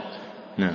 أحسن الله إليكم. قال حدثنا قتيبة بن سعيد قال حدثنا الليث عن نافع بن عمر رضي الله عنه عن عامر بن ربيعة رضي الله عنه عن النبي صلى الله عليه وسلم أنه قال رأى أحدكم جنازة فإن لم يكن ماشيا معها فليقم حتى يخلفها أو تخلفه أو توضع من قبل أن تخلفه. قال حدثنا أحمد بن يونس قال حدثنا ابن أبي ذئب عن سعيد المقبري عن أبيه قال كنا في جنازة فأخذ أبو هريرة رضي الله عنه بيد مروان فجلس قبل أن توضع. فجاء أبو سعيد رضي الله عنه فأخذ بيد مروان فقال فقال قم فوالله لقد علم هذا أن النبي صلى الله عليه وسلم عن ذلك. فقال أبو هريرة رضي الله عنه صدق. باب من تبع جنازة فلا يقعد حتى توضع عن مناكب حتى توضع عن مناكب الرجال فإن قعد أمر بالقيام. قال حدثنا مسلم يعني ابن إبراهيم قال حدثنا هشام قال حدثني عن أبي سلمة عن أبي سعيد الخدري رضي الله عنه عن النبي صلى الله عليه وسلم أنه قال إذا رأيتم الجنازة فقوموا فمن تبعها فلا يقعد حتى توضع. باب من قام لجنازة يهودي. قال حدثنا معاذ بن فضالة قال حدثنا هشام عن يحيى بن عبد الله بن مقسم عن جابر بن عبد الله رضي الله عنه أنه قال مر بنا جنازة فقابلها النبي صلى الله عليه وسلم وقمنا به فقلنا يا رسول الله إنها جنازة يهودي فقال إذا رأيتم الجنازة فقوموا. قال حدثنا آدم قال حدثنا شعبة قال حدثنا عمرو بن مرة قال سمعت عبد الرحمن بن أبي ليلى قال كان سالم بن حنيف وقيس بن سعد قاعدين من القادسية مروا عليهما بجنازة فقام فقيل لهما إنهما من أهل الأرض أي من أهل الذمة فقال إن النبي صلى الله عليه وسلم مرت به جنازة فقام فقيل له إنها جنازة يهودي فقال أليست نفسا وقال أبو حمزة عن الاعمش عن عمرو عن أبي ليلى قال كنت مع قيس بن سعد رضي الله عنهما فقال كنا مع النبي صلى الله عليه وسلم وقال زكريا عن شعبي عن أبي ليلى كان أبو مسعود وقيس يقومان للجنازه. قوله عن ابن أبي ليلى هذه الكنية لجماعة أقدمهم عبد الرحمن بن أبي ليلى الأنصاري وهو من كبار التابعين وله ذرية رواة منهم عيسى بن عبد الرحمن وهو من رجال البخاري أيضا ومحمد ابن عبد الرحمن ابن أبي ليلى وهو من رواة السنن. وأكثر من يذكر بها هو الأب عبد الرحمن بن أبي ليلى وابنه محمد. ابن عبد الرحمن لكن محمدا ليس له رواية إلا في السنن.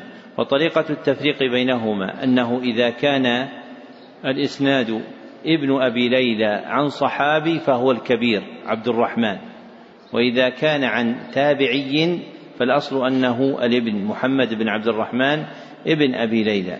نعم. أحسن الله إليكم. قال رحمه الله تعالى باب حمل الرجال الجنازة دون النساء. قوله باب حمل هذه الترجمة من أمهات التراجم عند المصنف ذكرها في ثمانية مواضع. نعم.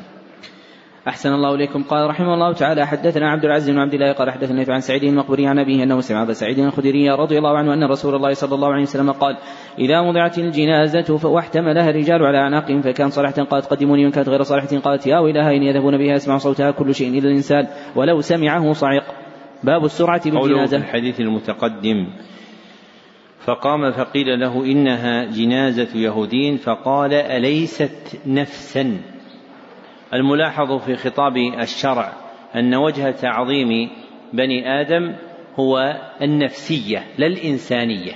ولذلك جاء في القرآن والسنة التعبير بذلك كقوله تعالى من أجل ذلك كتبنا على بني إسرائيل أنه من قتل نفسا بغير نفس أو فساد في الأرض وفي هذا الحديث قال أليست نفسا؟ فالملاحظ في تكريم الناس هو النفسية لا الإنسانية. وأما الإنسانية فهو وصف لا يدل على ذم ولا على تكريم. فقد يكون للذم وقد يكون للتكريم. وما يتوهمه الناس من أن مصطلح الإنسانية للإكرام خلاف الوضع اللساني. والعرب لا تستعمل إنسان في الدلالة على الإكرام وإنما تستعمله في الدلالة على الشخص من بني آدم. فالذي يظن أن الإنسانية هو جمع الصفات المحمودة لا أصل له لا من اللسان ولا من كلام الفلاسفة القدامى أيضا. نعم. أحسن الله إليكم. قال رحمه الله تعالى باب السرعة بالجنازة. وقال أنس رضي الله عنه أنتم مشيعون وامشي بين يديها وخلفها وعن يمينه وعن شمالها وقال غيره قريبا منها. قال حدثنا علي بن عبد الله قال حدثنا سفيان وقال حدثنا من الزهري عن سعيد بن المسيب عن أبي هريرة رضي الله عنه عن النبي صلى الله عليه وسلم أنه قال أسرعوا بالجنازة من تكن صالحة فخير تقدمونها وإن يكن سوى ذلك فشر تضعونه على رقابكم. باب قول الميت وهو على الجنازة قدموني. قال حدثنا عبد الله بن يوسف قال حدثنا ليث قال حدثنا سعيد عن أبي أنه سمع أبا سعيد الخدري رضي الله عنه أنه قال كان النبي صلى الله عليه وسلم يقول إذا وضعت الجنازة فاحتملها الرجال على اعناقهم فإن كانت صالحة قالت قدموني وإن كانت غير صالحة قالت اهلها أو إلى اين يذهبون بها. يسمع صوتها كل شيء إلا الإنسان ولو سمع الإنسان لصعق. باب من صف صفين أو ثلاثة على الجنازه خلف الإمام. قال حدثنا مسدد عن أبي عوانة عن قتادة عن عطاء عن جابر بن عبد الله رضي الله عنهما أن رسول الله صلى الله عليه وسلم صلى على النجاشي فكنت في الصف الثاني أو الثالث. باب الصفوف على الجنازة. قال حدثنا مسدد قال حدثنا يزيد بن زرعين قال حدثنا معه عن عن سعيد عن أبي هريرة رضي الله عنه أنه قال نعى النبي صلى الله عليه وسلم إلى أصحابه النجاشية ثم تقدم فصفوا خلفه فكبر أربعة. قال حدثنا مسلم قال حدثنا شعبة قال حدثنا شيبان عن شعبي أنه قال أخبرني من شهد النبي صلى الله عليه وسلم أتى على قدر منبوذ فصفه وكبر اربعا قلت من حدث؟ قال ابن عباس رضي الله عنهما. قوله حدثنا الشيباني ما قاعدته؟ هذه النسبة لجماعة وعند الإطلاق فهي لسليمان بن أبي سليمان الشيباني. نعم.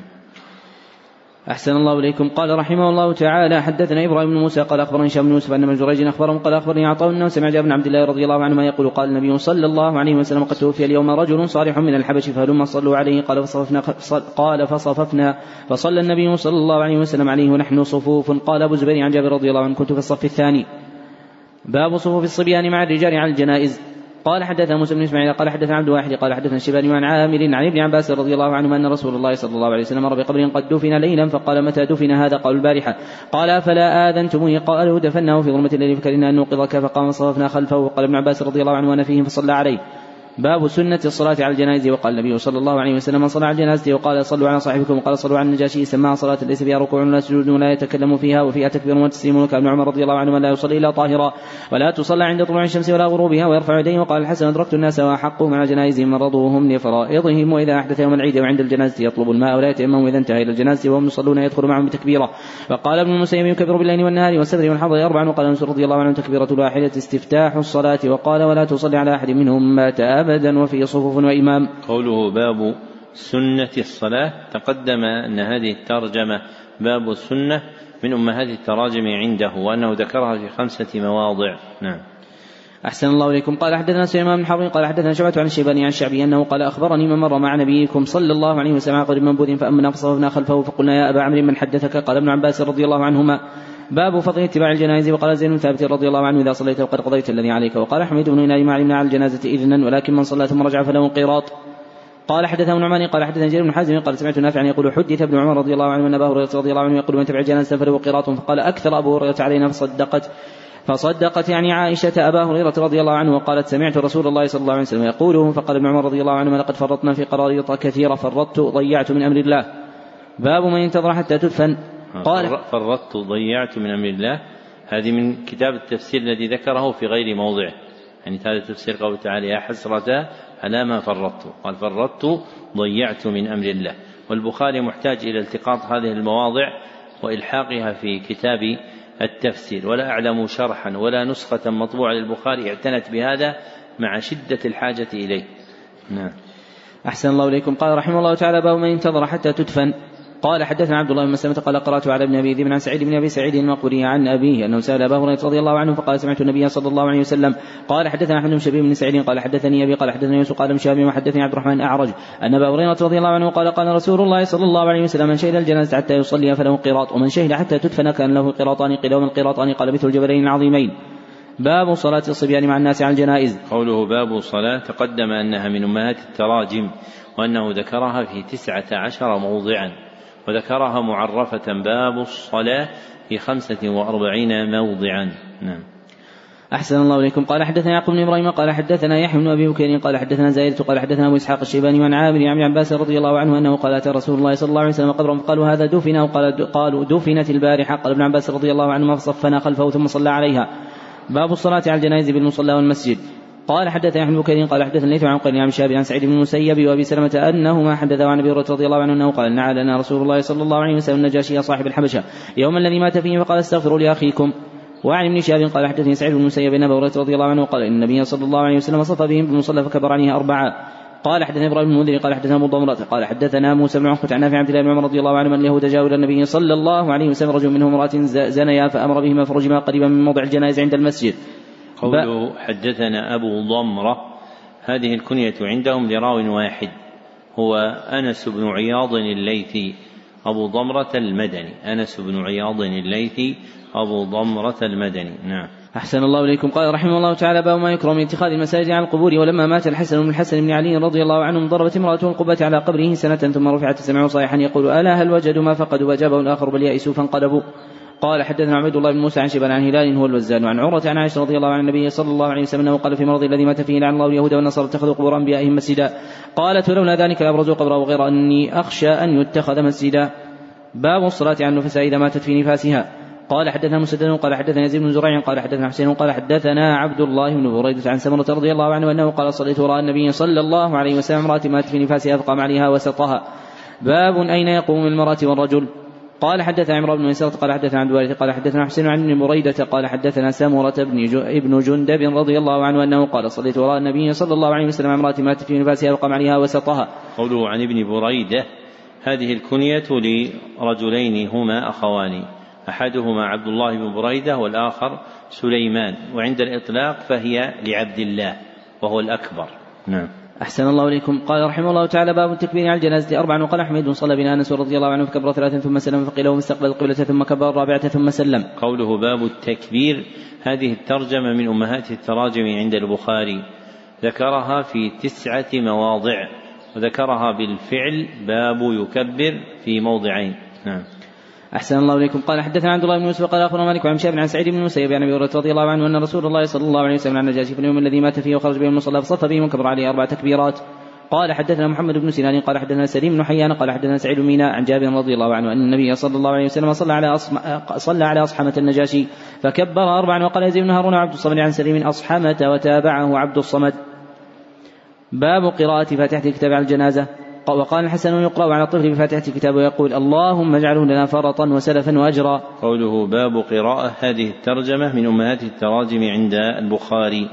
ذكرها في أربعة مواضع وذكرها معرفة باب القراءة في ثمانية مواضع وذكرها في موضعين باب ما يقرأ وذكرها في موضع واحد باب يقرأ. نعم. أحسن الله إليكم. قال رحمه الله تعالى حدثنا محمد بن بشار قال حدثنا غندر قال حدثنا شعبة عن سعد عن طلحة أنه قال صلت خلف ابن عباس رضي الله عنهما قال حدثنا محمد بن كثير قال أخبرنا سفيان عن سعد بن إبراهيم عن بن عبد الله بن عوف أنه قال صليت خلف ابن عباس رضي الله عنهما على جنازة فقرأ بفاتحة الكتاب قال ليعلموا أنها سنة. باب الصلاة على القبر بعدما يدفن. قال حدثنا حجاج من هذه قال حدثنا شعبة قال حدثني سليمان الشيباني وقال سمعت الشعبي قال أخبرني من مر مع النبي صلى الله عليه وسلم على قبر منبوذ فأما وما صلوا خلفه قلت من حدثك هذا يا أبا عمرو؟ قال ابن عباس رضي الله عنهما. قال حدثنا محمد بن فضيل قال حدثنا أحمد بن زيد عن ثابت عن أبي رافع عن أبي هريرة رضي الله عنه أن أسود رجلا أو امرأة كان يقوم المسجد فمات ولم يعلم النبي صلى الله عليه وسلم موته فذكره فذكره ذات يوم. فقال ما فعل ذلك الإنسان؟ قالوا مات يا رسول الله. قال أفلا أذنتموني؟ فقالوا إنه كان كذا وكذا قصته ذكروا قصته. قال فحقروا شأنه. قال فدلوني على قبره فأتى قبره فصلى عليه. باب الميت يسمع خفق النعال. قال حدثنا عياش قال حدثنا عبد العلا قال حدثنا سعيد قال وقال لي خليفة حدثنا ابن زريع قال حدثنا سعيد وقتل عن رضي الله عنه عن النبي صلى الله عليه وسلم أنه قال العبد اذا وضع على قبره وتولي وذهب أصحابه حتى إنه لا يسمع قرع نعالهم. حتى إنه لا يسمع قرآن عالمة وملكان فأقعدهم فيقولان له ما كنت تقول في هذا الرجل محمد صلى الله عليه وسلم فيقول أشهد أنه عبد الله ورسوله فيقال انظر إلى مقعدك من النار أبدلك الله عز وجل به مقعدا من الجنة قال النبي صلى الله عليه وسلم فيراهما جميعا وأما الكافر أو قال أو المنافق فيقول لا أدري كنت أقول ما يقول الناس فيقال لا دريت ولا تليت ثم يضرب بمطرقة من حديد ضربة بين أذنيه فيصيح صيحة يسمع من يليه إلى الثقلين باب من أحب الدفن في الأرض المقدسة أو نحوها قال حدثنا محمود قال حدثنا عبد الرزاق قال أخبرنا معمر عن طاووس عن أبي عن أبي هريرة رضي الله عنه أنه قال أرسل ملك الموت إلى موسى عليه السلام. فلما جاءه صكه فرجع إلى ربه فقال أرسلت إلى عبد لا يريد الموت فرد الله عليه عينه وقال ارجع فقل له يضع يضع يده على متن ثور فله بكل ما غطت به يده بكل شعرة سنة. قال يا ربي ثم ماذا؟ قال ثم الموت. قال فالآن. فسأل الله عز وجل أن يدنيه من الأرض المقدسة رمية بحجر قال قال رسول الله صلى الله عليه وسلم فلكنت ثم لأريتكم قبره إلى جانب الطريق عند الكثيب الأحمر. قوله عن طاووس عن ابن طاووس عن أبيه تقدم أنه ليس في رواته من اسمه طاووس سوى راو واحد هو طاووس بن كيسان اليماني. نعم. أحسن الله إليكم. قال رحمه الله تعالى باب الدفن بالليل ودفن أبو بكر رضي الله عنه ليلا. قال حدثنا عثمان بن أبي شيبة قال حدثنا جرير عن شيباني عن الشعبي عن ابن عباس رضي الله عنه أنه قال صلى النبي صلى الله عليه وسلم على رجل بعدما دفن بليلة قام هو واصحابه كان سأل عنه فقال من هذا؟ فقالوا فلان دفن البارحة فصلوا عليه. باب بناء المسجد على القبر. قال حدثني إسماعيل وقال حدثني مالك عن شاب أبي عن عائشة رضي الله عنها أنها قالت لما اشتكى النبي صلى الله عليه وسلم ذكرت بعض النساء كنيسة رأيناها بأرض الحبشة يقال لها ماريا. وكانت أم سلمة ام حبيبة رضي الله عنهما أتتا أرض الحبشة فذكرت فذكرت ابن حسين والصابر فيها فرفع رأسه فقال أولئك إذا مات منهم الرجل الصالح. بنوا على قبره مسجدا ثم صاروا في تلك الصورة. أولئك شرار الخلق عند الله. باب من يدخل قبر المرأة. قال حدثنا محمد سنان قال حدثنا فرح بن سليمان قال حدثني لا ابن علي عن أنس رضي الله عنه أنه قال شيئا من رسول الله صلى الله عليه وسلم ورسول الله صلى الله عليه وسلم جالس على قبر فرأيت عينيه تدمعان. فقال هل فيكم من احد دم قال في الليلة فقال طلحة أنا. قال فانزل في قبرها فنزل في قبرها فقبرها. قال من برق قال فريح راه يعني الذنب. قال أبو عبد الله يختلف ويكتسب باب الصلاة على الشهيد. قال حدثنا عبد الله بن يوسف قال حدثنا ليث قال حدثني من شهاب بن عبد الرحمن بن كعب مالك عن جابر بن عبد الله رضي الله عنه أنه قال كان النبي صلى الله عليه وسلم يجمع بين الرجل من قتلى أحد في ثوب واحد. ثم يقول أيهما أكثر اخذا القرآن فاذا اشير له إلى أحد ما قدمه في الاحد وقال انشئ على هؤلاء يوم القيامة أمر بدفنهم في دمائهم ولم يغسلوا ولم يصلى عليهم. قال حدثنا عبد الله بن يوسف قال حدثني قال حدثني يزيد بن أبي حبيب عن أبي الخير عن عقبة بن عامر رضي الله عنه أن النبي صلى الله عليه وسلم خرج يوما صلى على اهله وحده صلاة عن ميت ثم انصرف إلى المنبر فقال إني فرط لكم أن أشهد عليكم إني والله أنظر إلى حوض الآن وإني أعطيت مفاتيح خزائن الأرض أو قال مفاتيح الأرض وإني والله ما أخاف عليكم أن تشركوا بعدي ولكن أخاف عليكم أن تنافسوا فيها. قوله عن أبي الخير تقدم أن هذه الكنية لراو واحد يذكر بها هو مرثد بن عبد الله اليزني. نعم. أحسن الله إليكم. قال رحمه الله تعالى باب دفن الرجلين والثلاثة في قبر. قال حدثنا سعيد بن سليمان قال حدثنا ليث قال حدثنا من شاب بن عبد الرحمن بن كعب بن جابر بن عبد الله رضي الله عنهما أخبره أن النبي صلى الله عليه وسلم كان يجمع بين الرجل من قتلى أحد. باب من لم يرى غسل الشهداء. قال حدثنا الوليد قال حدثنا ليث عن شاب بن عبد الرحمن بن كعب بن جابر رضي الله عنه أنه قال قال النبي صلى الله عليه وسلم ادفنوهم في دمائهم يعني يوم أحد ولم يغسلهم. باب من يقدم في اللحد وسمي اللحد لأنه في ناحية وكل جار ملحد ملتحد ملتحد معدلا ولو كان مستقيما كان ضريحا. قال حدثنا ابن مقاتل قال أخبرنا عبد الله قال أخبرنا ليث بن سعد قال حدثني بن عبد الرحمن بن كعب بن ابن مالك عن جابر بن عبد الله رضي الله عنه أن رسول الله صلى الله عليه وسلم كان يجمع بين الرجل من قتل واحد في ثوب واحد. ثم يقول أيما أكثر واخذا للقران فاذا اشير له أحد ما قدمه في اللحد وقال انشروا على هؤلاء وامر بدفنهم بدمائهم ولم يصلي عليهم ولم يغسلهم. قال واخبرنا مزعيم عن الزهري عن عبد الله رضي الله عنهما كان رسول الله صلى الله عليه وسلم يقول لقتل واحد أي هؤلاء أكثر اخذا القرآن فاذا اشير له إلى رجل قدمه في اللحد قبل صاحبه. وقال جابر اذكر أبي وعمي في نمرة واحدة وقال سليمان بن كثير حدثني الزهري وقال حدثني من سمع جابر رضي الله عنه. باب الإذخر والحشيش في القبر. قوله أي هؤلاء أكثر أخذا للقرآن. ما معنى أخذا؟ إيش؟ حفظا. حفظا. هذا من أدلة مدح حفظ القرآن خلافا لمن يزعم أنه لا دليل على حفظ القرآن. فالبخاري فيه حديثان يدلان على هذه المسألة من وجه خفي. أحدهما هذا الحديث. والآخر حديث عائشة. من قرأ القرآن وهو حافظ له. وسيأتي إن شاء الله تعالى. نعم. أحسن الله إليكم. قال رحمه الله تعالى باب الإذخر والحشيش في القبر. قال حدثنا محمد بن عبد الله بن حوشب قال حدثنا عبد الوهاب قال حدثنا خالد عن كلمة عن عباس رضي الله عنه عن النبي صلى الله عليه وسلم قال حرم الله مكة ولم تحل لأحد قبلي ولا لأحد بعدي وحلت لي ساعة من نهار لا يقتل أخلاها ولا يعضد شجرها ولا ينفر صيدها. ولا تنتقط لقطتها إلى معرف. فقال العباس رضي الله عنه الإذخر فإلا لصاغتنا وقبورنا. فقال الإذخر إلا الإذخر. وقال أبو هريرة رضي الله عنه عن النبي صلى الله عليه وسلم قبورنا وبيوتنا. وقال أبان صالح عن الحسن بن مسلم عن صفية بنت شيبة أنها قالت سمعت النبي صلى الله عليه وسلم ذكر مثله. وقال مجاهد عن طاووس بن عباس رضي الله عنهما لقينهم وبيوتهم باب هل يخرج الميت من القبر واللحد لعلة؟ قال حدثنا علي بن عبد الله قال حدثنا سفيان قال عن موسى بن جابر بن عبد الله رضي الله عنه قال أتى رسول الله صلى الله عليه وسلم عبد الله بن أبي بعد ما أدخل حفرته فأمر به فأخرج فوضع على ركبتيه ونفث عليه من ذيقه والبسه قميصه فالله أعلم وكان كس وكان كسى عباسا قميصا. قال سفيان وقال أبو هريرة رضي الله عنه وكان على رسول الله صلى الله عليه وسلم قميصان فقال له ابن عبد الله يا رسول الله ألبس أبي قميصك الذي يلي جلدك. قال سفيان فيرون أن النبي صلى الله عليه وسلم ألبس عبد الله قميصه مكافأة لما صنع. قال حدثنا مسدد قال أخبرنا بشر المفضل قال حدثنا حسين المعدم عن عطاء عن جابر رضي الله عنه أنه قال لما حضر أحد دعاني أبي من الليل فقال ما أراني لمقتولا في أول من يقتل من أصحاب النبي صلى الله عليه وسلم وإني لا أترك بعدي أعز علي منك غير نفس رسول الله صلى الله عليه وسلم فإن علي دينا فاقض واستوصي بأخواتك خيرا فأصبحنا فكان ولقتين ودفن معه آخر في قبر ثم نقض نفسي أن أتركه مع الآخر. فاستخرجته بعد ستة أشهر فذاك يوم وضعته هنية غير أذنه. قال حدثنا علي بن عبد الله قال حدثنا سعيد بن عبد عن شعبة عن ابن أبي نجيح عن جابر رضي الله عنه أنه قال دفن مع أبي رجل فلم تطب نفسي حتى اخرجته وجعلته في قبر على حدة. باب اللحد والشق في القبر.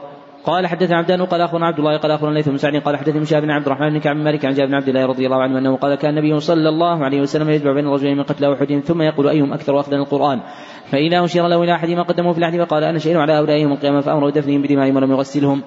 باب إذا أسلم الصبي فمات هل يصلى عليه وهل يعرض على الصبي الإسلام؟ وقال الحسن وشريح بن إبراهيم وقتادة إذا أسلم أحدهما فالولد مع المسلم وكان عباس رضي الله عنه مع أمه من المستضعفين ولم يكن مع أبيه على دين قومه. فقال الإسلام يعلو ولا يعلى قال حدثنا عبدان قال أخبرنا عبد الله عن يونس عن الزهري قال أخبرني سالم بن عبد الله أن ابن عمر رضي الله عنهما اخبره ان عمر رضي الله عنه انطلق مع النبي صلى الله عليه وسلم في راط قبل ابن صياد حتى وجدوه يلعب على الصبيان عند اطم بني مغلة وقد قارب ابن صياد الحلم.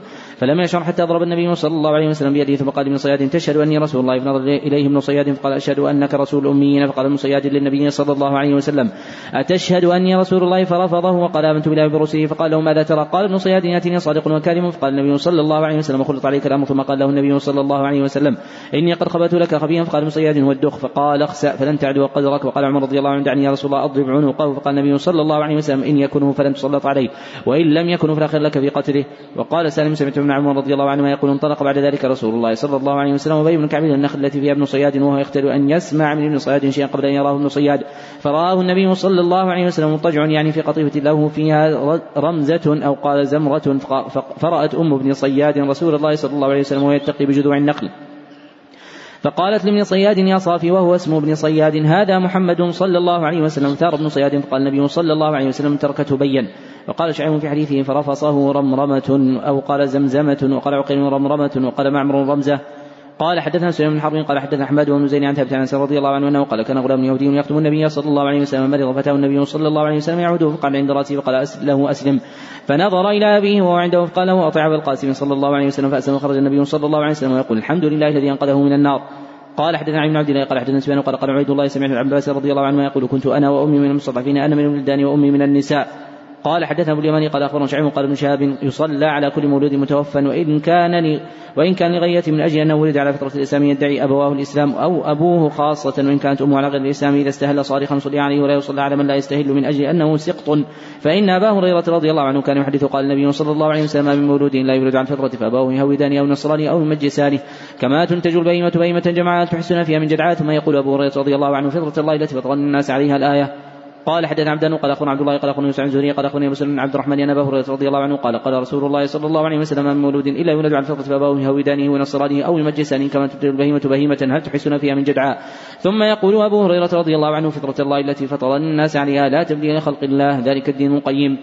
باب اذا قال المشرك عند الموت لا إله إلا الله. قال حدثني إسحاق قال اخبرني يعقوب بن إبراهيم قال حدثني أبي عن بن قال أخبرني سعيد بن المسيب عن أبي أنه أخبره أنه لما حضرت باطن الوفاة جاءه رسول الله صلى الله عليه وسلم فوجد عنده أبا جهل بن هشام وعبد الله بن أمي إن ابن أبي أمية بن المغيرة قال رسول الله صلى الله عليه وسلم لأبي طالب يا عمي قل لا إله إلا الله كلمه أشهد لك بها عند الله. فقال أبو جهل وعبد الله بن أبي أمية يا أبا طالب اترى مله عبد المطلب فلم يزال رسول الله صلى الله عليه وسلم يعرضها عليه ويعودان من تلك المقالة حتى قال أبو طالب آخر ما كلمه هو على مله عبد المطلب وبان يقول لا إله إلا الله. فقال رسول الله صلى الله عليه وسلم أما والله لا استغفر لأغفرن لك ما لم أنه عنك فأنزل الله تعالى فيه ما كان للنبي الآية. باب الجليل على القبر واوصى بريده الاسلمي أن يجعل في قبره جليدا وراى ابن عمر رضي الله عنه في السلطه على قبر عبد الرحمن فقال انزعوا يا غلام فإنما يضله عمله وقال خالد بن زيد رأيتني ونحن شبان. في زمن عثمان رضي الله عنه وإن أشدنا وثوة الذي يثب قبر عثمان بن مضعون حتى يجاوزه وقال عثمان بن حكيم أخذ بيدي خالد فاجلسني على قبر. وأخبرني عن عمه يزيد بن ثابت أنه قال إنما كل ذلك لمن أحدث عليه وقال نافع كان عمر رضي الله عنهما يجلس عن القبور. قال حدثنا يحيى بن قال حدثنا يحيى قال حدثنا معاوية عن عمش عن مجاهد عن طوس عن عباس رضي الله عنه عن النبي صلى الله عليه وسلم انه مر بقبرين يعذبان. فقال إنهما لا يعذبان في كبير ما أحدهما فكان لا يستتر من بول وما الآخر فكان يمشي بالنبي ثم أخذ جريدة رطبة فشقها بنصفين ثم غرز في كل قول واحدة. قال فقالوا يا رسول الله لما صنعت هذا؟ فقال لعله أن يخفف عنهما ما لم ييبسا باب موعظة المحدث عند قبره وقعد أصحابه حوله يخرجون من الأجداث. الأجداث القبور بعثرت أثيرت. بعثرت حوضي أي جعلت أسفله أعلاه الإيفاض الإسراع وقرأ الأعمش إلى نصب إلى شيء منصوب يستبقون إليه والنصب واحد والنصب مصدر. يوم الخروج من القبور ينسلون يخرجون. قوله باب موعظة. هذه الترجمة من أمهات التراجم عند البخاري. ذكرها بهذا اللفظ في أربعة مواضع. وذكرها معرفة باب الموعظة في موضع واحد وذكرها بلفظ باب عظة في موضعين. نعم. أحسن الله إليكم. قال حدثنا عثمان قال حدثني جرير عن منصور عن سعد بن عبيدة عن أبي عبد الرحمن عن علي رضي الله عنه أنه قال كنا في جنازة في بقيع الغرقد. فأتانا النبي صلى الله عليه وسلم فقعد وقعدنا حوله ومعه مخصرة فنكس وجعل ينكت مخصرته ثم قال ما منكم من أحد ما من نفس منفوسة لا كتب مكانها من الجنة والنار إلا وإلا قد كتب شقية أو سعيدة. فقال رجل يا رسول الله أفلا تكرهون كتاب ودعوا العمل من كان من أهل السعادة فسيصير لعمل أهل السعادة وأما من كان منا من أهل الشقاوة فسيصير إلى عمل أهل الشقاوة. قال أما أهل السعادة فيسرون لعمل السعادة وأما أهل الشقاوة فيسرون عمل الشقاوة ثم قرأ فأما من أعطى واتقى الآية باب ما جاء في قاتل النفس. قال حدثنا مسدد قال حدثنا يزيد بن زرعين قال حدثنا خالد عن أبي قلابه عن ثابت ضحاك رضي الله عنه عن النبي صلى الله عليه وسلم أنه قال من حل ملة غير الإسلام كاذبا متعمدا فهو كما قال ومن قتل نفسه بحديث يعذب به في نار في جهنم.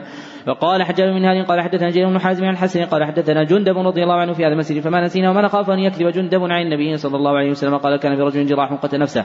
فقال الله بدرني عبدي. فقال الله بدرني عبدي بنفسه حرمت عليه الجنة. قال حدثنا أبو اليماني قال أخبرنا شعيب قال حدثنا أبو الزناد عن رجع النبي رضي الله عنه أنه قال قال النبي صلى الله عليه وسلم الذي يخنق نفسه يخنقها في النار والذي يطعنها يطعنها في النار. باب ما يكرم من الصلاة على المنافقين واستغفار المشركين رواه ابن عمر رضي الله عنه عن النبي صلى الله عليه وسلم. قال حدثني أحمد بن بكير قال حدثني الليث عن قيل عن شاب بن عبد الله بن عبد الله بن عباس رضي الله عنه عن عمر الخطاب رضي الله عنهم أنه قال لما مات عبد الله بن أبي بن سلول دعي له رسول الله صلى الله عليه وسلم صلى عليه فلما قام رسول الله صلى الله عليه وسلم وثبت إليه فقلت يا رسول الله صلى على ابن أبي وقد قال يوما كذا وكذا كذا وكذا وعدل عليه قوله فتبسم رسول الله صلى الله عليه وسلم وقال اخر عني يا عمر فلما اكثرت عليه قال إني خيرت فاخترت. لو أعلم أني نزلت على السبعين فغفر له نزلت عليها قال فصلى عليه رسول الله صلى الله عليه وسلم. ثم انصرف لم يمكن الله يسير حتى نزلت الآيتان من براءة. ولا تصلي على أحد منهم مات أبدا إلى قوله وهم فاسقون. قال فعجبت بعد من جرأتي على رسول الله صلى الله عليه وسلم يومئذ والله رسوله أعلم. باب ثناء الناس على الميت. قال حدثنا آدم قال حدثنا شعبة قال حدثنا عبد العزيز بن صهيب قال سمعت أنس بن مالك رضي الله عنه يقول مروا بجنازة فأثنوا عليها خيرا. فقال النبي صلى الله عليه وسلم وجبت ثم مروا بأخرى فأثنوا عليها شرا. فقال وجبت. فقال عمر الخطاب رضي الله عنه ما وجبت قال هذا اثنيتم عليه خيرا فوجبت له الجنة وهذا اثنيتم عليه شرا فوجبت له النار. أنتم شهداء الله في الأرض. قال حدث عن فارس المسلمين قال حدثنا داود بن أبي الفرات عن عبد الله بن بريت عن أبي الأسود أنه قال قدمت المدينة وقد وقع فيها مرض فجلست عمر الخطاب رضي الله عنه. فمرت بهم جنازة فأثني على صاحبها خيرا فقال عمر رضي الله عنه وجبت ثم مر بأخرى فأثني على صاحبها خيرا فقال عمر رضي الله عنه وجبت ثم مر بثلاثة فأثني على صاحبها شرا فقال وجبت. فقال الاسود فقلت ما وجبت وما وجبت يا أمير المؤمنين؟ قال قلت كما قال النبي صلى الله عليه وسلم أيما مسلم شهد له أربعة بخير. أدخله الله الجنة فقلنا وثلاثة. قال وثلاثة فقلنا واثنان. قال واثنان ثم لم عن واحد. باب ما جاء في عذاب القبر وقوله تعالى إذ الظالمون في غمرات الموت والملائكة باسطوا أيديهم أخرجوا أنفسكم اليوم تجزون عذاب الهون. هو الهوان والهون الرفق. وقوله جل ذكره سنعذبهم مرتين ثم يرد إلى عذاب عظيم. قوله تعالى وحق بآل فرعون سوء العذاب. النار يعرضون عليها غدوا وعشيا ويوم تقوم الساعة. أدخلوا آل فرعون أشد العذاب. قوله باب ما جاء. تقدم أن هذه الترجمة من أمهات التراجم عند البخاري. وأنه ذكرها بهذا اللفظ في سبعة وأربعين موضعا. نعم. أحسن الله إليكم. قال حدثنا حفص بن عمر قال حدثنا شعبة عن قمة بن مرثد عن سعد بن عبيد عن براء بن عازب رضي الله عنه وهي, وهي أكثر التراجم التي احتفل بها الترمذي فإن الترمذي أكثر من هذه الترجمة في جامعه. باب ما جاء. ومن طرائق فهم تصرفات المحدثين ملاحظة التسلسل التاريخي للترجمة. فإن البخاري اقتبس بعض تراجمه ممن تقدمه كابن أبي شيبة وعبد الرزاق في المصنف.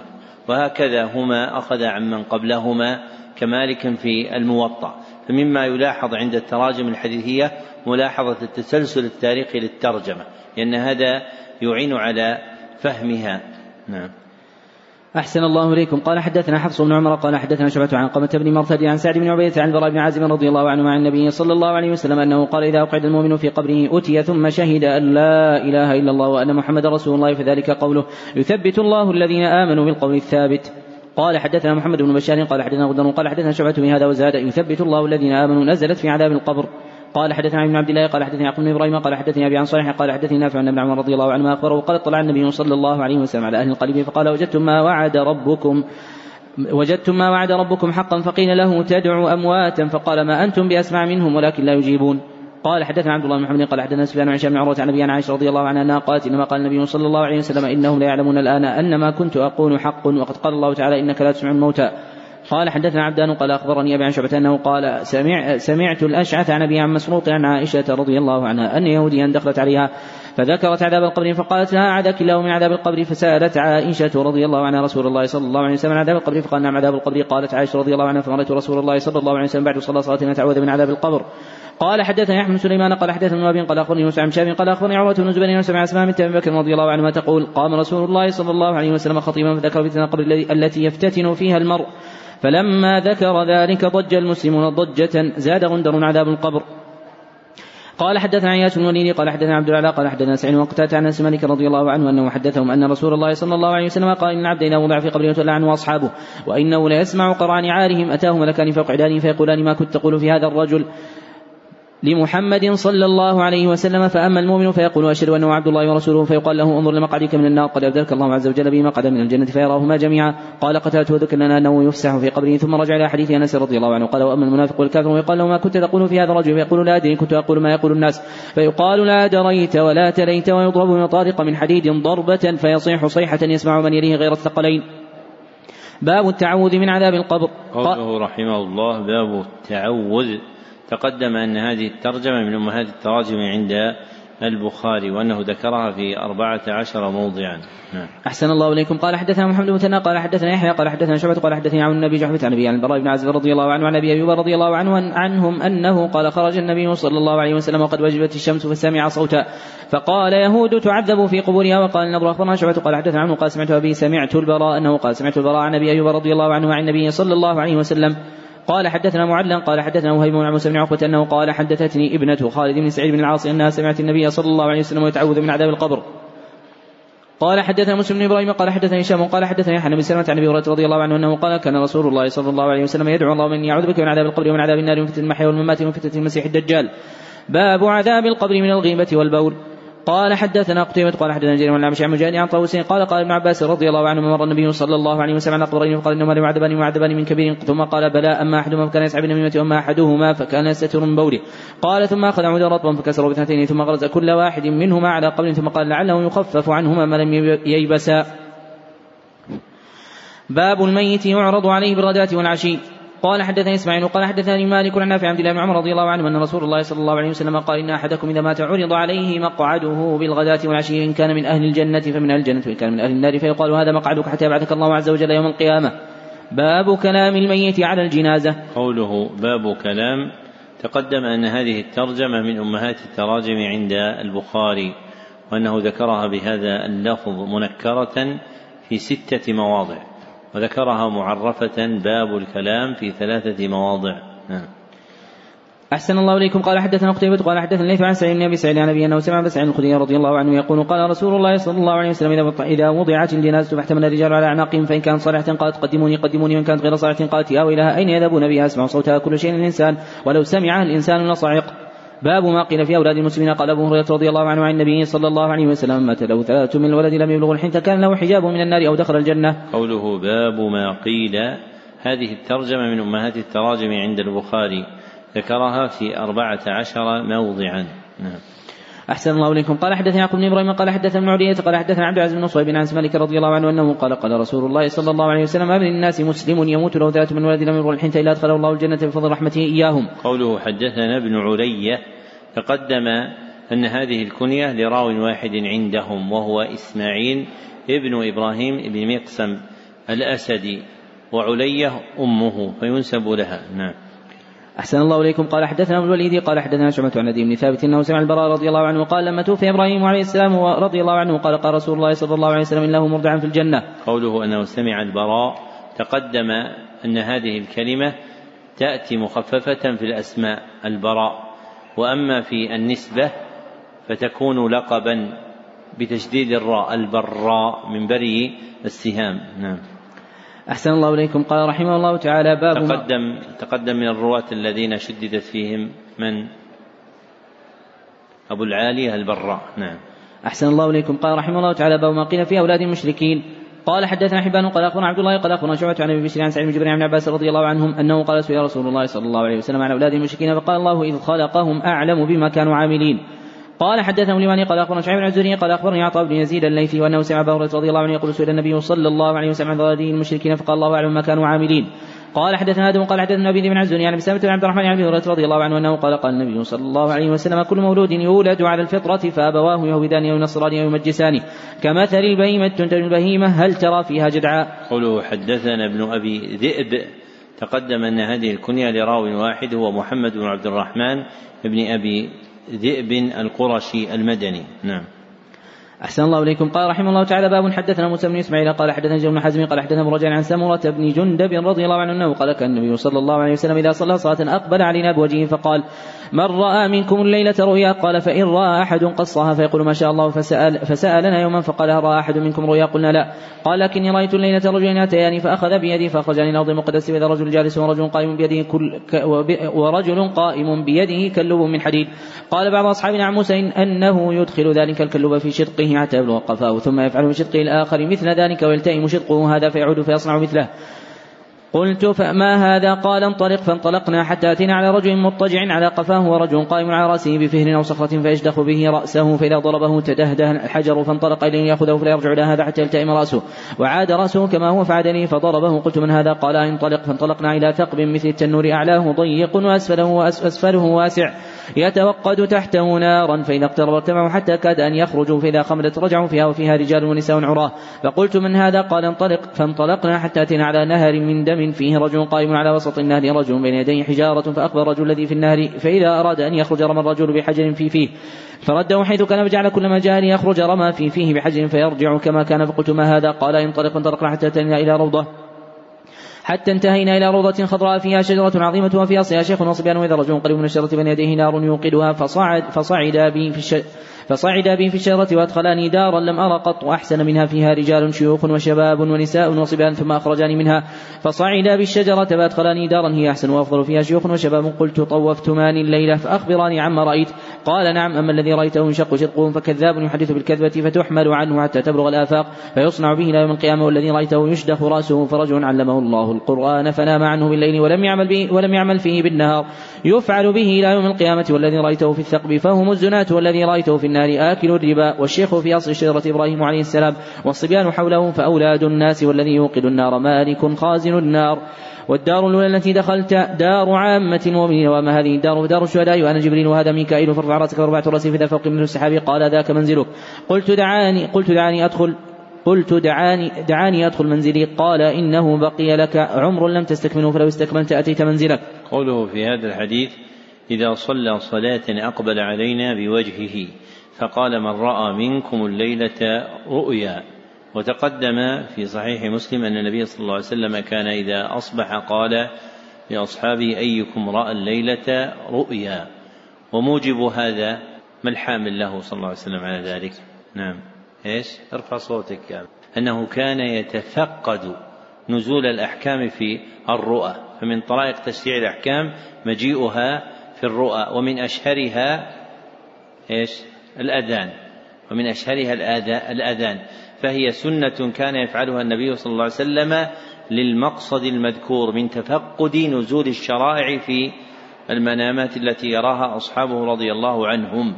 وأما بعده فلم يفعلها أعلم أصحابه به وبتعبير الرؤيا وهو أبو بكر الصديق رضي الله عنه. فليس من السنة أن يسأل أحد بعد الفجر فيقول أيكم رأى الليلة رؤيا؟ فهي مخصوصة بالمحل المذكور فقط. نعم. أحسن الله إليكم. قال رحمه الله تعالى باب موت يوم الاثنين. قال حدثنا معاذ بن أسد قال حدثنا وابن عن هشام عن أبي عن عائشة رضي الله عنها قال دخلت على أبي بكر رضي الله عنه فقال في كم كفنتم النبي صلى الله عليه وسلم؟ قالت في ثلاثة أثواب بيض سحورية ليس فيها قميص ولا عمامة. وقال لها في أي يوم توفي رسول الله صلى الله عليه وسلم؟ قالت يوم الاثنين. قال فأي يوم هذا؟ قالت يوم الاثنين. قال أرجو فيما بيني وبين الليل فنظر إلى ثوب عليه كان يمرض فيه. كان يمرض فيه به ردع من زعفران فقال اغسلوا ثوبي هذا وزيلوا عليه ثوبين فكفنوني فكفنوني فيها. قلت إن هذا خلق. قال إن الحي أحق بالجديد من الميت إنما هو للمهلة فلم يتوفى حتى أمسى من ليلة الثلاثاء ودفن قبل أن يصبح. باب موت الفجأة البغتة. قال حدثنا سعيد بن مريم قال حدثنا محمد بن جعفر قال أخبرني هشام عن أبي عن عائشة رضي الله عنها أن رجلا قال النبي صلى الله عليه وسلم انه افتريتت نفسها واظنها لو تكلمت تصدقت فهل لها أجر إن تصدقت عنها؟ قال نعم. باب ما جاء في قبر النبي صلى الله عليه وسلم بكر وعمر رضي الله عنهما فأقبره أقبرت الرجل إذا جعلت له قبرا وقبرته دفنته كفاة يكون فيها أحيانا ويدفنون فيها أمواتا. قال حدثني إسماعيل وقال حدثني سليمان عن شام قال وحدثني محمد حرب قال حدثني مروان عن يحيى ابن أبي زكريا عن هشام بن عروة عن عائشة رضي الله عنها أنها قالت إن كان رسول الله صلى الله عليه وسلم يتعذر في مرضه أين أنا اليوم؟ أين أنا غدا؟ استبطال يوم عائشة فلما كان يوم قبضه الله عز وجل بين سحري ونحري ودفن في بيتي قال حدث موسى بن إسماعيل قال حدث أبو عوانة عن بن عمره عن عائشة رضي الله عنها أنها قالت قال رسول الله صلى الله عليه وسلم في مرضه الذي لم يقم منه لعن الله اليهود والنصارى اتخذوا قبور أنبياء مساجد لولا ذلك أبرز قبره غير أنه خشي أو قال خشي أن يتخذ مسجدا عن هلال قال كنا في كناني عروة بن الزبير ولم يولد لي. قال حدثنا محمد بن قال أخبرنا عبد الله قال أخبرنا أبو بكر بن عياش عن سفيان التمار أنه حدثه أنه رأى قبر النبي صلى الله عليه وسلم مسنما. قال حدثنا فروة قال حدثنا علي بن هشام عروة عن أبي أنه قال لما سقط عليهم الحائط في زمان الوليد بن عبد الملك أخذوا في بنائه فبدت لهم قدم ففزعوا وظنوا أنها قدم النبي صلى الله عليه وسلم فوجد أحد يعلم ذلك. حتى قال عروة لا والله ما هي قدم النبي صلى الله عليه وسلم ما هي لا قدم عمر رضي الله عنه. وعن هشام بن عبد عائشة رضي الله عنها أنها أوصت عبد الله بن الزبير رضي الله عنه لا تدفني معهم وادفني مع صواحبي والبقيع لا أزكى به أبدا. قوله حدثنا فروة ليس في رواة البخاري من اسمه فروة؟ سوى راو واحد من شيوخه هو فروة بن أبي المغراء الكندي. فروة ابن أبي المغراء ميم غين راء ثم مد. ابن أبي المغراء الكندي نعم. أحسن الله إليكم. قال حدثنا قتيبة قال حدثنا جير بن عبد الحميد قال حدثنا حسين بن عبد الرحمن عن عمرو بن ميمون الأودي أنه قال رأيت عمر الخطاب رضي الله عنه قال يا عبد الله بن عمر اذهب إلى أم المؤمنين اذهب إلى أم المؤمنين عائشة رضي الله عنها. فقل يقرأ عمر بن الخطاب عليك السلام ثم سلها أدفن مع صاحبيه قالت كنت أريده لنفسي فلا, فلا أوثرنه اليوم على نفسي فلما أقبل قال له ما لديك؟ قال أذنت لك أمير المؤمنين؟ قال ما كان شيء أهم لي من ذلك المضجع فإذا قبضت فاحملوني ثم سلموا ثم سلموا. فإذا قبضت فاحملوني ثم سلموا ثم قل يستأذن عمر الخطاب رضي الله عنه فإن أذنت لي فادفنوني وإلا فردوني إلى مقابر المسلمين. إني لا أعلم أحدا أحق بهذا الأمر من هؤلاء النفر الذين توفي رسول الله صلى الله عليه وسلم وهو عنهم راض. فمن استخلفوا بعدي فهو الخليفة. فاسمعوا له واطيعوا فسمع عثمان وعلي وطلحة والزبير وعبد الرحمن بن عوف وسعد بن أبي وقاص ورجع شاب من أنصار فقال أبشر يا أبي المؤمنين ببشرى الله كان لك من القدم في الإسلام ما قد علمت ثم استخلفت. فعدلت ثم الشهادة بعد هذا كله فقال ليتني يا ابن أخي وذلك كفافا لا علي ولا لي أوصي الخليفة من بعد بالمهاجرين الأولين. أوصي بالخليفة من بعد بالمهاجرين الأولين خيرا يعرف لهم حقهم وأن يحفظ لهم حرمتهم وأوصي بالأنصار خيرا الذين تبوا الدار والإيمان أن يقبل من محسنهم ويعفى عن مسيئهم. وأوصي بذمة الله وذمة رسوله صلى الله عليه وسلم أن يوفى لهم بعهدهم وأن يقاتل من ورائهم وأن لا يكلفوا فوق طاقتهم. باب ما ينهى من سب الأموات. قال حدثنا آدم قال حدثنا شعبة عن الأعمش عن مجاهد عن عائشة رضي الله عنها أنها قالت قال النبي صلى الله عليه وسلم لا تسبوا الأموات فإنهم قد أفضوا إلى ما قدموا. ورواه عبد الله بن عبد القدوس عن الأعمش ومحمد بن أنس عن الأعمش تبع علي بن الجعد وابن عرعرة وابن أبي علي عن شعبة. باب ذكر شرار الموتى. قوله باب ذكر هذه الترجمة من أمهات التراجم عند البخاري. ذكرها بهذا اللفظ في ثلاثين موضعا. وذكرها بلفظ باب ما يذكر في أربعة عشر موضعا. وبلفظ باب ما ذكر في سبعة مواضع. نعم. أحسن الله إليكم. قال رحمه الله تعالى حدثنا عمر بن حفص قال حدثنا أبي قال حدثنا أعمش قال حدثني عمرو بن مرة عن سعيد بن جبير عن ابن عباس رضي الله عنهما أنه قال قال أبو لهب عليه لعنة الله للنبي صلى الله عليه وسلم تبا لك سائر اليوم. فنزلت تبت يدا أبي لهب وتب. بسم الله الرحمن الرحيم. باب وجوب الزكاة وقول الله تعالى واقيموا الصلاة وآتوا الزكاة. وقال ابن عباس رضي الله عنه ما حدثني أبو سفيان رضي الله عنه ذكر حديث النبي صلى الله عليه وسلم فقال يأمرنا بالصلاة والزكاة والصلاة والعفاف. قوله باب وجوب تقدم أن هذه الترجمة من مهات التراجم عنده وأنه ذكرها في أحد عشر موضعا. وقع في موضع واحد عنده باب إيجاب. نعم. أحسن الله إليكم. قال حدثنا أبو عاصم ضحاك مخلد عن زكريا بن إسحاق عن يحيى بن عبد الله بن صيفين عن أبي معبد عن عباس. ما تقدم البخاري ذكر الوجوب في لفظ وجوب وإيجاب وذكر الاستحباب باب ما يستحب وذكر الكراهة بثلاث ألفاظ باب كراهية وذكر التحريم في موضع واحد. وأما الإباحة فلا أظنه ذكرها وإنما كان يشير لها تارة بقوله باب الإذن وقع في موضع واحد وباب الرخصة في ثلاثة مواضع. وسيأتي إن كان سيذكرها فيما تقدم ما تقدم ذكر الإباحة. نعم. أحسن الله إليكم. قال حدثنا أبو عاصم الضحاك المخرج عن زكريا بن إسحاق عن يحيى عبد الله التراجم الحديثية فيها مباحث أصولية. ووددت أن ناهضا من المشتغلين بعلم أصول الفقه كانت رسالته عن المباحث الأصولية في تراجم المحدثين ففيها أنفاس نفيسة ولا سيما عند ابن خزيمة وابن حبان. نعم. أحسن الله إليكم. قال حدثنا أبو عاصم الضحاك المخزني عن زكريا بن إسحاق عن بن عبد الله بن صيف عن أبي معبد عن ابن عباس رضي الله عنهما أن النبي صلى الله عليه وسلم بعث معاذ رضي الله عنه اليمني فقال ادعوا من أشهد أن لا إله إلا الله وأني رسول الله فإنهم أطاعوا لذلك فأعلمهم أن الله قد افترض عليهم خمس صلوات في كل يوم وليلة. فإنهم أطاعوا لذلك فأعلمهم أن الله افترض عليهم صدقة في أموالهم تأخذ من أغنيائهم وترد على فقرائهم. قال حدثنا في أحد, في أحد المشايخ عملها في السنن بن ماجه. المباحث الأصولية. الشيخ سعد الشتري له رسالة وجيزة في المباحث الأصولية في سنن بن ماجه في التراجم. غير تعرفون شيء في هذا؟ نعم. أحسن الله إليكم. قال حدثنا حفص بن عمر قال حدثنا شعبة عن عثمان بن عبد الله بن وهب عن موسى بن طلحة عن أبي أيوب رضي الله عنه أن رجلا قال للنبي صلى الله عليه وسلم أخبرني بعمل يدخلني الجنة. قال ما له ما له. وقال النبي صلى الله عليه وسلم أرب ما له. تعبد الله ولا تشرك به شيئا وتقيم الصلاة وتؤتي الزكاة وتصل الرحم. وقال باز حدثنا شعبة قال حدثنا محمد بن عثمان وابوه عثمان بن عبد الله أنه سمع موسى بن طلحة عن أبي أيوب رضي الله عنه بهذا قال أبو عبد الله يخشى أن يكون محمد غير محفوظ إنما هو عمرو. قال حدثني محمد بن عبد الرحيم بن عبد الرحيم قال حدثنا عفان بن مسلم قال حدثنا وابن عن يحيى سعيد بن حيان عن أبي زرعة عن أبي هريرة رضي الله عنه أن اتى النبي صلى الله عليه وسلم وقال دنيا على عمل إذا عملته دخلت الجنة. قال تعبد الله لا تشرك به شيئا وتقيم الصلاة المكتوبه وتؤدي الزكاة المفروضة وتصوم رمضان. قال والذي نفسي بيدي لا ازيل على هذا. فلما ولى قال النبي صلى الله عليه وسلم من سره أن ينظر إلى رجل من أهل الجنة فلينظر إلى هذا. قال حدثنا مسدد عن يحيى عن أبي حيان. قال أخبرني أبو زرعة عن النبي صلى الله عليه وسلم فذكروا بهذا. ما الفرق, ما الفرق بين الإسناد الثاني والأول؟ قال عن أبي زرعة عن أبي هريرة رضي الله عنه أن أعرابيا والثاني قال أخبرني أبو زرعة عن النبي صلى الله عليه وسلم بهذا. الإرسال. في الإسناد الثاني مرسل. عن أبي زرعة أبو زرعة هذا التابعي أبو زرعة بن عمرو بن جرير. فالبخاري يشير إلى الاختلاف الذي وقع في الحديث وهو لا يعل الموصول بالمرسل وإلا ما خرجه في الصحيح. هذا وقع من البخاري في مواضع. منها في كتاب الحج أسند من طريق عمرو بن دينار عن عكرمة عن ابن عباس رضي الله عنهما أن ناسا من أهل اليمن كانوا يحجون ولا يتزودون ويقولون نحن المتوكلين الحديث. ثم قال بعده ورواه سفيان عن عمرو بن دينار عن عكرمة مرسلا. يعني هناك بذكر ابن عباس وهنا عن عكرمة ليس فيه ذكر لابن عباس. وسفيان أوثق الناس في عمر لكن هو يشير إلى صحة الإسناد الأول والثاني وأنه يروى موصولا ومرسلا وهكذا هو هنا يروى موصولا ويروى مرسلا. والبخاري رحمه الله تعالى له تصرف في العلل له شفوف نظر.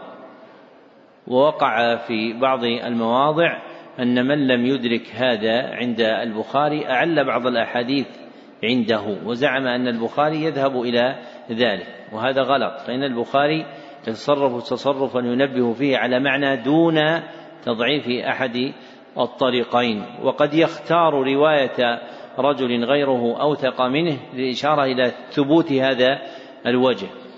فقد أخرج في مواضع من حديث عبد الرحمن بن عبد الله بن دينار عن أبيه ووقع بعض هذه المواضع في الموطأ من رواية مالك عن عبد الله بن دينار على غير الوجه الذي رواه البخاري.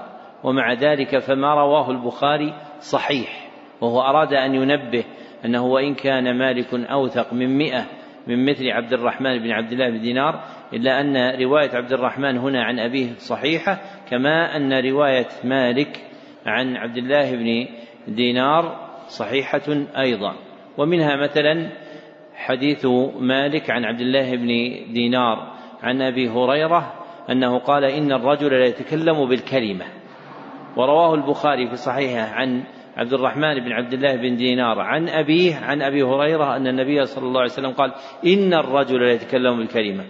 ما الفرق بينهما؟ إيش؟ الوصل والرفع والوقف في الموطأ موقوف وفي البخاري مرفوع. وأي الطريقين أصح؟ ها؟ كلاهما صحيح. مالك أوثق من مئة من مثل عبد الرحمن. لكن مع ذلك رواية عبد الرحمن صحيحة. لأن مالكا رحمه الله كان ممن يقصر الإسناد. أشار إلى هذا الخطيب وغيره. ومعنى قصر الإسناد أنه يوقف إيش؟ المرفوع. أنه يوقف المرفوع. ورعا. ومنه هذا الموضع. فرواية البخاري للحديث مرفوعا صحيحة كما أن روايته موقوفة عند مالك صحيحة ويدل على ذلك أن الحديث المذكور لا يقال من قبل الرأي. إن الرجل يتكلم بكلمة لا يلقي لها بالا. الحديث. وهذا المقصود منه التنبيه إلى أن التصرف مع أئمة العلل ليس أمرا سهلا كما صار مركبا يخوض فيه الخائضون طرائق قددا. ويحمل طالب العلم خاصة مع دهاقنة كالبخاري وأحمد وأبي حاتم وأبي زرعة على التروي والتأني وعدم التعجل في مصادرة أقوالهم أو مخالفة اختيارهم. وقع هذا في ما أعله بعض المعاصرين من أحاديث في صحيح البخاري. فكلها الصواب فيها مع البخاري لمن عرف طريقة البخاري في العلل. نعم. أحسن الله إليكم. قال حدثنا حجاج قال حدثنا أحمد بن زيد قال حدثنا أبو جمرة قال سمعت ابن عباس رضي الله عنهما يقول قدم وفد عبد القيس على النبي صلى الله عليه وسلم فقالوا يا رسول الله إن هذا الحي من ربيعة. قد حالت بيننا وبينك كفار مضر ولسنا نخلص إليك إلا في الشهر الحرام. فمرنا بشيء نأخذ عنك وندعو إليه من ورانا. قال أمركم بأربع وأنهاكم عن أربع. الإيمان بالله وشهادة أن لا إله إلا الله وعقل بيده هكذا وإقام الصلاة وإيتاء الزكاة وأن تؤدوا خمس ما غنمتم وأنهاكم عن الدباء والحنتم والنقير والمزفت. وقال سليمان وابن نعمان عن حماد الإيمان بالله شهادة أن لا إله إلا الله.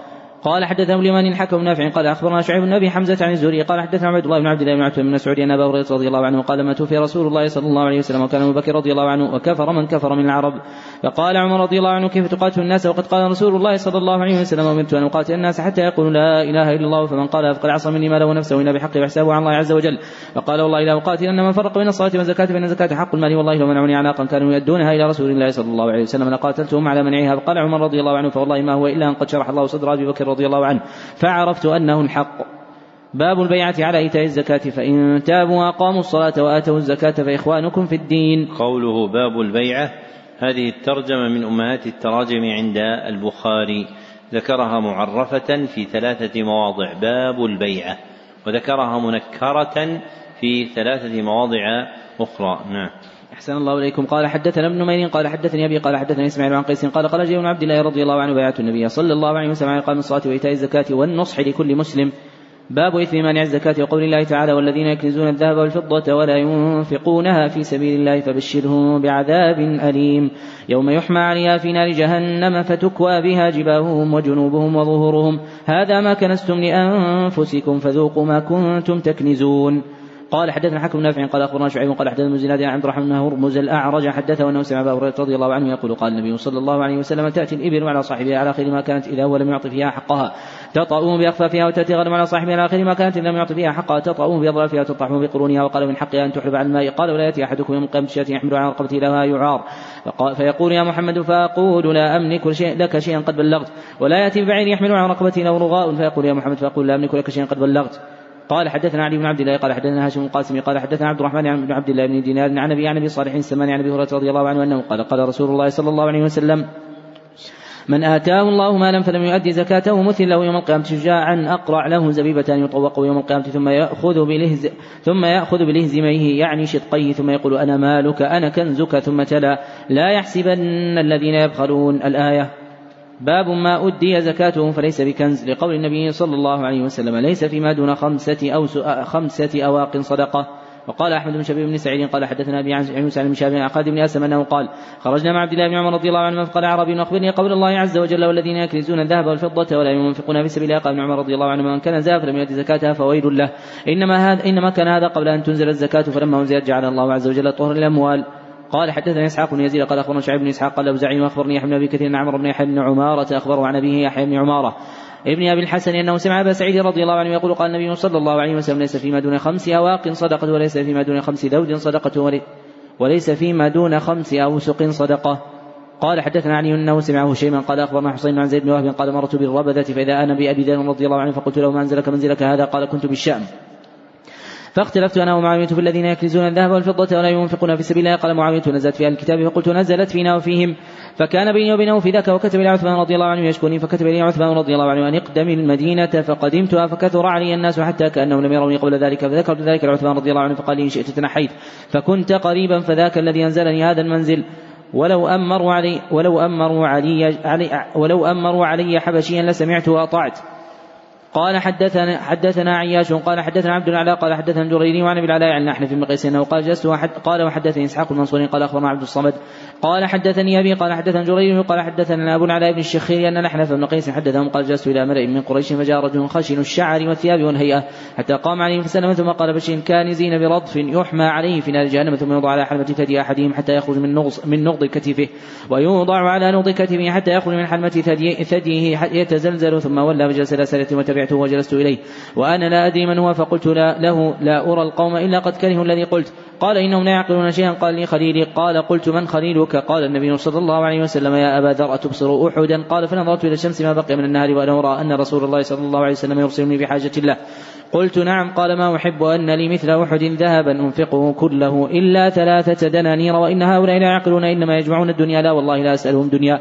ولا أستفتيهم عن دين حتى ألقى الله عز وجل. قوله حدثنا الجريري تقدم أن هذه النسبة عندهم عند الإطلاق هي لسعيد بن إياس الجريري وهذا آخر هذا المجلس وفي آخره فائدتان. الأولى كتب إلي أحد الإخوان تذكيرا برسالة اسمها المباحث الأصولية في صحيح البخاري للدكتور عبد الرحمن الكبش أظن في أم القرى. والفائدة الثانية أرى بعض الإخوة يتابعون صحيح البخاري في الجوالات وهذا مما يكره. وقد ترجم ابن أبي داود في كتاب المصاحف بابا في تصغير المصاحف وأسند فيه عن إبراهيم النخعي أنه قال كانوا يكرهون تصغير المصاحف وقال عظموا القرآن فمن تعظيم العلم ومنه البخاري أن يحضر الإنسان بنسخة ككتاب وتكون من الحجم اللائق للقراءة والسماع. أما المتابعة في هذه الجوالات فلا تحسن في مجالس الدرس وإنما تحسن الاستفادة في الوقت الضيق والسفر ونحو ذلك. وأما مجالس العلم يأتي الإنسان بكتابه تعظيما للعلم. والحمد لله رب العالمين. صلى الله وسلم على عبده ورسوله محمد وآله وصحبه أجمعين.